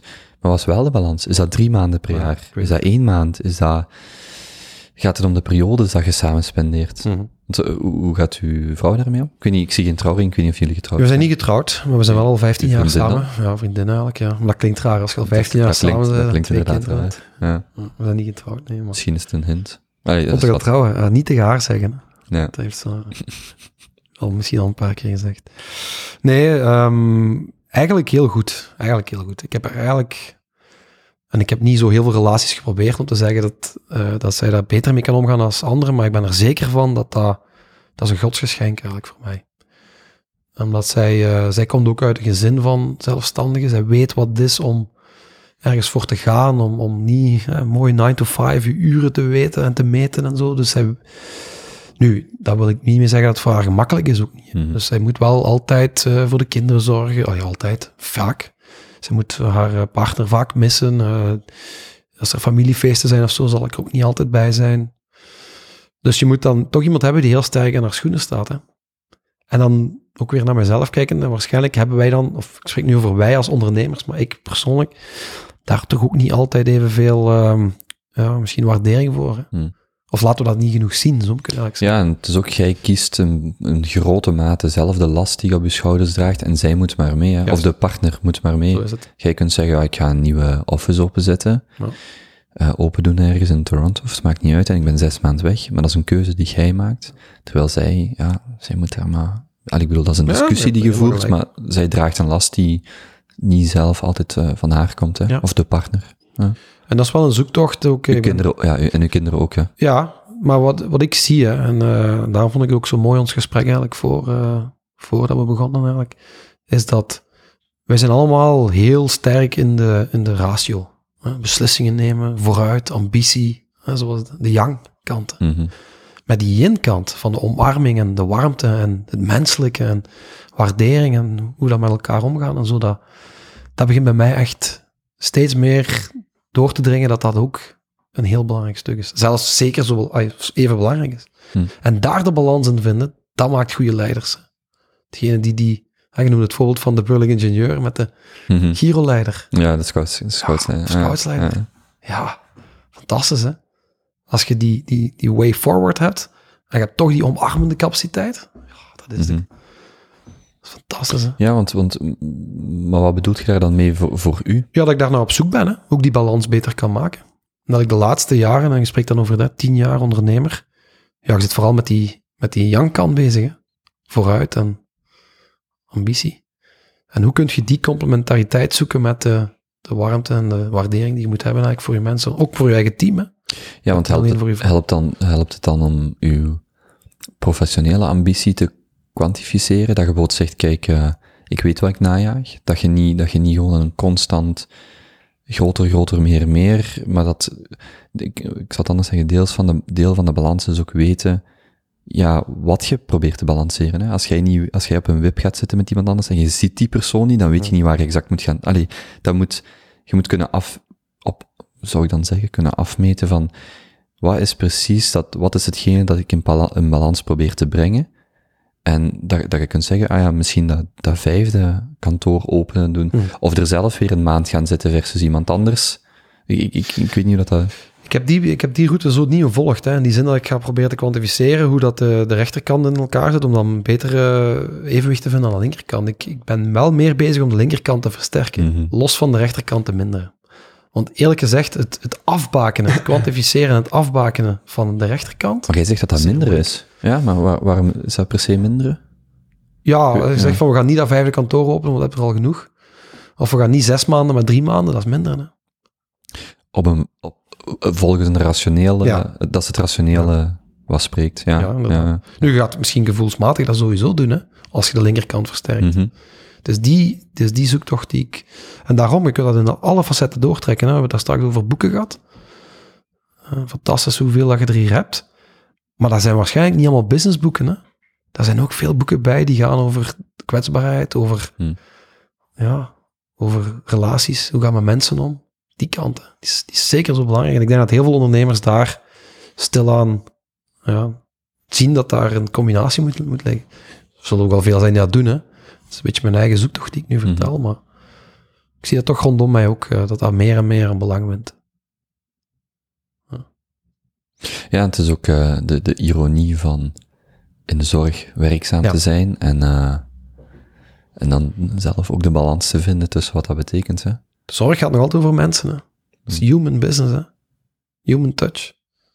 En dus niet alleen, eh, ik heb dat nog eens ooit gezegd, maar het is niet alleen high-tech, maar het is ook high-touch. hè. Mhm. Nee, je, zeg je dat in uw TED, TEDx zal ik al? Ik denk dat je het bij Marley ook sowieso aanhaalde, maar ik wist niet of je TEDx, maar ik vond dat wel heel mooi, van ja, ja, wij bekijken alles door de, door de technologische bril, of van standaard door de technologische bril, maar het zijn nog altijd mensen uh, waar je mee omgaat. Ja, en dat willen we toch absoluut niet verliezen. Hè? Het voorbeeld wat je daar straks gaf, en dat mensen zouden zeggen, vroeger op de Corle campus, allee, we zijn die mannen nu aan het doen met technologie in de zorg. Ik vind dat een heel terechte opmerking, hè, want we willen niet dat, technologie en, en vandaar dat robots en zo, dat is allemaal zoiets. Hè, van, oh, we gaan nu robots in huis halen om mensen te wassen en te verzorgen. Ja, je voelt dat dat, ja. dat, is, een, dat, is, een, dat is een moeilijk verhaal. Hè. Want net een van de belangrijkste dingen als je ouder wordt en als je zorg nodig hebt, is die menselijke warmte. Hè. Dus je wilt eigenlijk dat technologie ervoor zorgt dat je veel efficiënter wordt in je domme taken, waardoor je veel meer tijd hebt voor die mhm. menselijke warmte. Dat is eigenlijk waarover het gaat. Hè. Mhm. Ja, het is ook wel wat je net zegt, hè, dat die mensen aan elkaar kunnen verbinden, nog voor ze misschien in een rusthuis zitten of al erin, en die competenties of expertises kunnen koppelen. En als jij 50 jaar lang advocaat bent geweest, dan, is het, dan kan het u zoveel plezier geven om daar nog eens over te babbelen aan iemand dat dat nodig heeft. En als je daar mhm. ja, manieren in vindt om Faciliteren. Dat, ja. Cool. omdat ook de, het stigma van ouderen hebben geen toegang tot technologie, dat is natuurlijk ook niet waar. Dat is ook een exponentiële curve. De adoptie van iPads bij, bij ouderen, dat is gigantisch. Hè? Dat, was, dat is al jaren achter elkaar het, het meest populaire kerstcadeau. Voor 65-plussers is een tablet. Ja. Ja, want, want daar, uh, je kunt daar zelfs vandaag in 2020 nog uh, lacherig over doen, van ze kunnen niet mee of wat dan ook. Maar de realiteit is dat wij, als je in 2006 touchscreens ging verkopen, dat mensen zeiden, huh, touchscreen, maar vandaag... Ik reed over laatst met een maat mee in Ford Fiesta, daar steken ook standaard uh, touchscreens in, dus dat wordt zo, die technologie wordt zo opnieuw gedemocratiseerd en ook dat, ja, dat bewustzijn, hè. Uh, kijk even naar de tijd ook. Um, je moet uh, de work-life balance in, het, in het oog houden. Oei. Um, nee, ik vond, ik vond uh, het heel, heel leuk om u een keer zo on the record te spreken. Want ik zei het op voorhand al, we zijn zo jarenlang elkaar tegengekomen en dan TEDx was dan een grote, maar daarvoor in de Corda campus, als ik binnengestrompeld kwam. Is dat hier? Ja, dat daar, die uh, ja, een van koffietassen had omgestoten. Even waarschijnlijk naar Patrick. Hey, Patrick, en ah, dan door. En dan... Um, nee, uh, maar leuk om zo om een keer te horen wat, wat, wat het verhaal is. Uh, ja, ja. Is er iets wat we nog moeten, nog moeten aansnijden? Ik ben aan het kijken op mijn blad. Uh, ik zie dat je een quote hebt geschreven. Ja, jij schreef, jij schreef in 2000, of jij zei op je, in je TEDx-talk in 2016, uh, on the road to success, everybody loves you mm-hmm. in België. Ja. Uh, but once you have success, people hate you. They, they'll say that you were, uh, kan mijn eigen schrift niet lezen, that you were lazy or doing sneaky things. nee, het is niet lazy. Ja, waar het eigenlijk over gaat is, allee, ik heb het ook zelf meegemaakt in die Google-tijd. Als je succes, uh, als je on the road to succes bent, dus als je bezig bent om iets na te streven, maar je hebt het nog niet, dan vindt iedereen dat fantastisch. Mm. Dan kun je overal gaan, gaan praten en presentaties geven en zo. Maar ja, daar, daar heerst in België nu eenmaal een soort ja, taboe rond succes. Hè. Als je succes hebt, dan, dan vinden dat mensen dat niet leuk. Hè. Beetje jaloezie. Een beetje... Ja, je bent niet meer een van ons. Hè. Ja. Als je een van die sukkelende ondernemers bent, of artiesten, of, dan zit je een van ons. Zo is het. En dan haalt je het, als je het zo wilt definiëren, en dan, oei, nu ben ik alleen, nu ben ik, nu ben ik de sukkel en hij niet meer is pijnlijk, hè? Pijnlijk. dat, is ook, dat is een beetje de mentaliteit van België, hè? helaas. Mm. In Amerika is dat omgekeerd. Dan wordt succes, nobody cares. Iedereen is bezig, iedereen is ja. aan het sukkelen en aan het werken. Maar once you have success, they love you. Ja, en dat is toch, allee, als er één ding is, want ik kan een boek schrijven over Amerika ondertussen, dat zult je ook wel, wel begrijpen als je daar de helft van de tijd zit. Dat is ook waarschijnlijk de reden dat ik daar niet ben gaan wonen. Mm. Dat ik al zoveel ben geweest, dat ik toch zie wat de, de negatieve kant is. Maar als er één ding is wat Amerikanen en, uh, en de maatschappij daar zo goed doet, is ondernemerschap stimuleren en, mm -hmm. en die ambitie um, cultiveren. Ja. Ah, ja, als ondernemer is Amerika is echt, dat is echt next level. Mm -hmm. Champions League. En dan zijn we in België eigenlijk uh, eerste provinciale. Ja, ja er, er, um, we hadden het ervoor heel even erover, en dan ga ik afronden. Um, de, de- ook in de, Verenigde, in, de, in de Amerikaanse context wordt die discussie vaak over de student loan debt eh, situatie. Ja. Maar je wilt eigenlijk, als samenleving wilt je eigenlijk dat je 25-jarige jonge mensen risico nemen, ondernemen. En in de VS zit je met heel dat probleem van, ja, als je 100.000 dollar moet afbetalen, gaat je geen risico nemen. En wij zitten cultureel eerder met de beperking van, als je 28 bent of 30 en je werkt en je hebt nog geen huis of je hebt nog geen hypotheek, niemand gaat minder ehm, risico pakken als je een hypotheek van 250.000 euro af te betalen hebt. Dus daar is het eerder het studeren, hier is het eerder het culturele. Maar je wilt idealiter gaan nu jonge mensen, wanneer ze kunnen, risico pakken, wanneer ze vrijer zijn, ehm, en zou je dat idealiter willen stimuleren. En dat is dan iets wat je daar wel, eh, ja, wat, als je hier zegt, als 18, ik ken weinig ouders die, en ik zie wel als ik later kinderen heb, die zeggen, je mocht nu in plaats van 18 jaar gaan studeren en wij betalen je studies of je kot, wat dan ook, drie jaar of vier jaar, zou je even goed kunnen zeggen, je mocht nu vier jaar gaan ondernemen. Mhm. En doe er maar een studentenjob naast of zo, je mocht hier blijven wonen, vier jaar lang, en dan, dat is iets wat je, als je dat uitlegt, dan zeggen mensen, ja maar nee, dan heb je toch geen diploma. Ja maar, doe maar eens elke, doe maar eens elke twee weken netwerkevenementjes, probeer maar eens met vier jaar lang iets te bouwen, daarmee bezig te zijn. Want, want dat is ook wat ik daar straks zei, en als jij je verhaal vertelde, je ziet heel duidelijk die stappen die je, eh, die je in dat verhaal zet. En dan hebben we het eigenlijk nog niet over u gehad voordat je 18 werd. Mhm. Maar die stappen die je zet, die leiden tot wat je vandaag doet. Hè. Dat is wel, dat is cool als je dat proces eh, deels bewust kunt gaan aanpakken. Dat wil niet zeggen dat elke 18-jarige zomaar dat zou gaan moeten doen, maar Nee, dat heb ik ook niet gedaan natuurlijk. Hè. Het is Nee. altijd achteraf gemakkelijk om te Mhm. zien hoe die mm. tot stap tot Maar stap het gaat wel over, de, over de, het standpunt dat je daartoe inneemt. Eh, Hmm. Ja? ja. Super. Ik zeg, ik vond, eh, ik vond het heel interessant, heel leerrijk. Ja, ik vond het heel tof eigenlijk. Het is ook zo'n andere formule dan zo voor de microfoon van een journalist te staan. Of een, Ja, vind ik wel... ik eh, ben gelukkig geen journalist. Nee, inderdaad. Ja. Ik Tof. zou zeggen, als je in de toekomst eh, nog eens wilt terugkomen, zeer welkom. Gaan we doen. Goed. Oké, dan ga ik, eh, gaan we afronden. Dank je wel. Ja, ja, graag gedaan. Eh, ik hoop dat je iets eh, aan gehad hebt. Ah, dat je het tof vond. Zeker. En eh, ja, nog veel succes. Dank je wel. Jij ook, hè.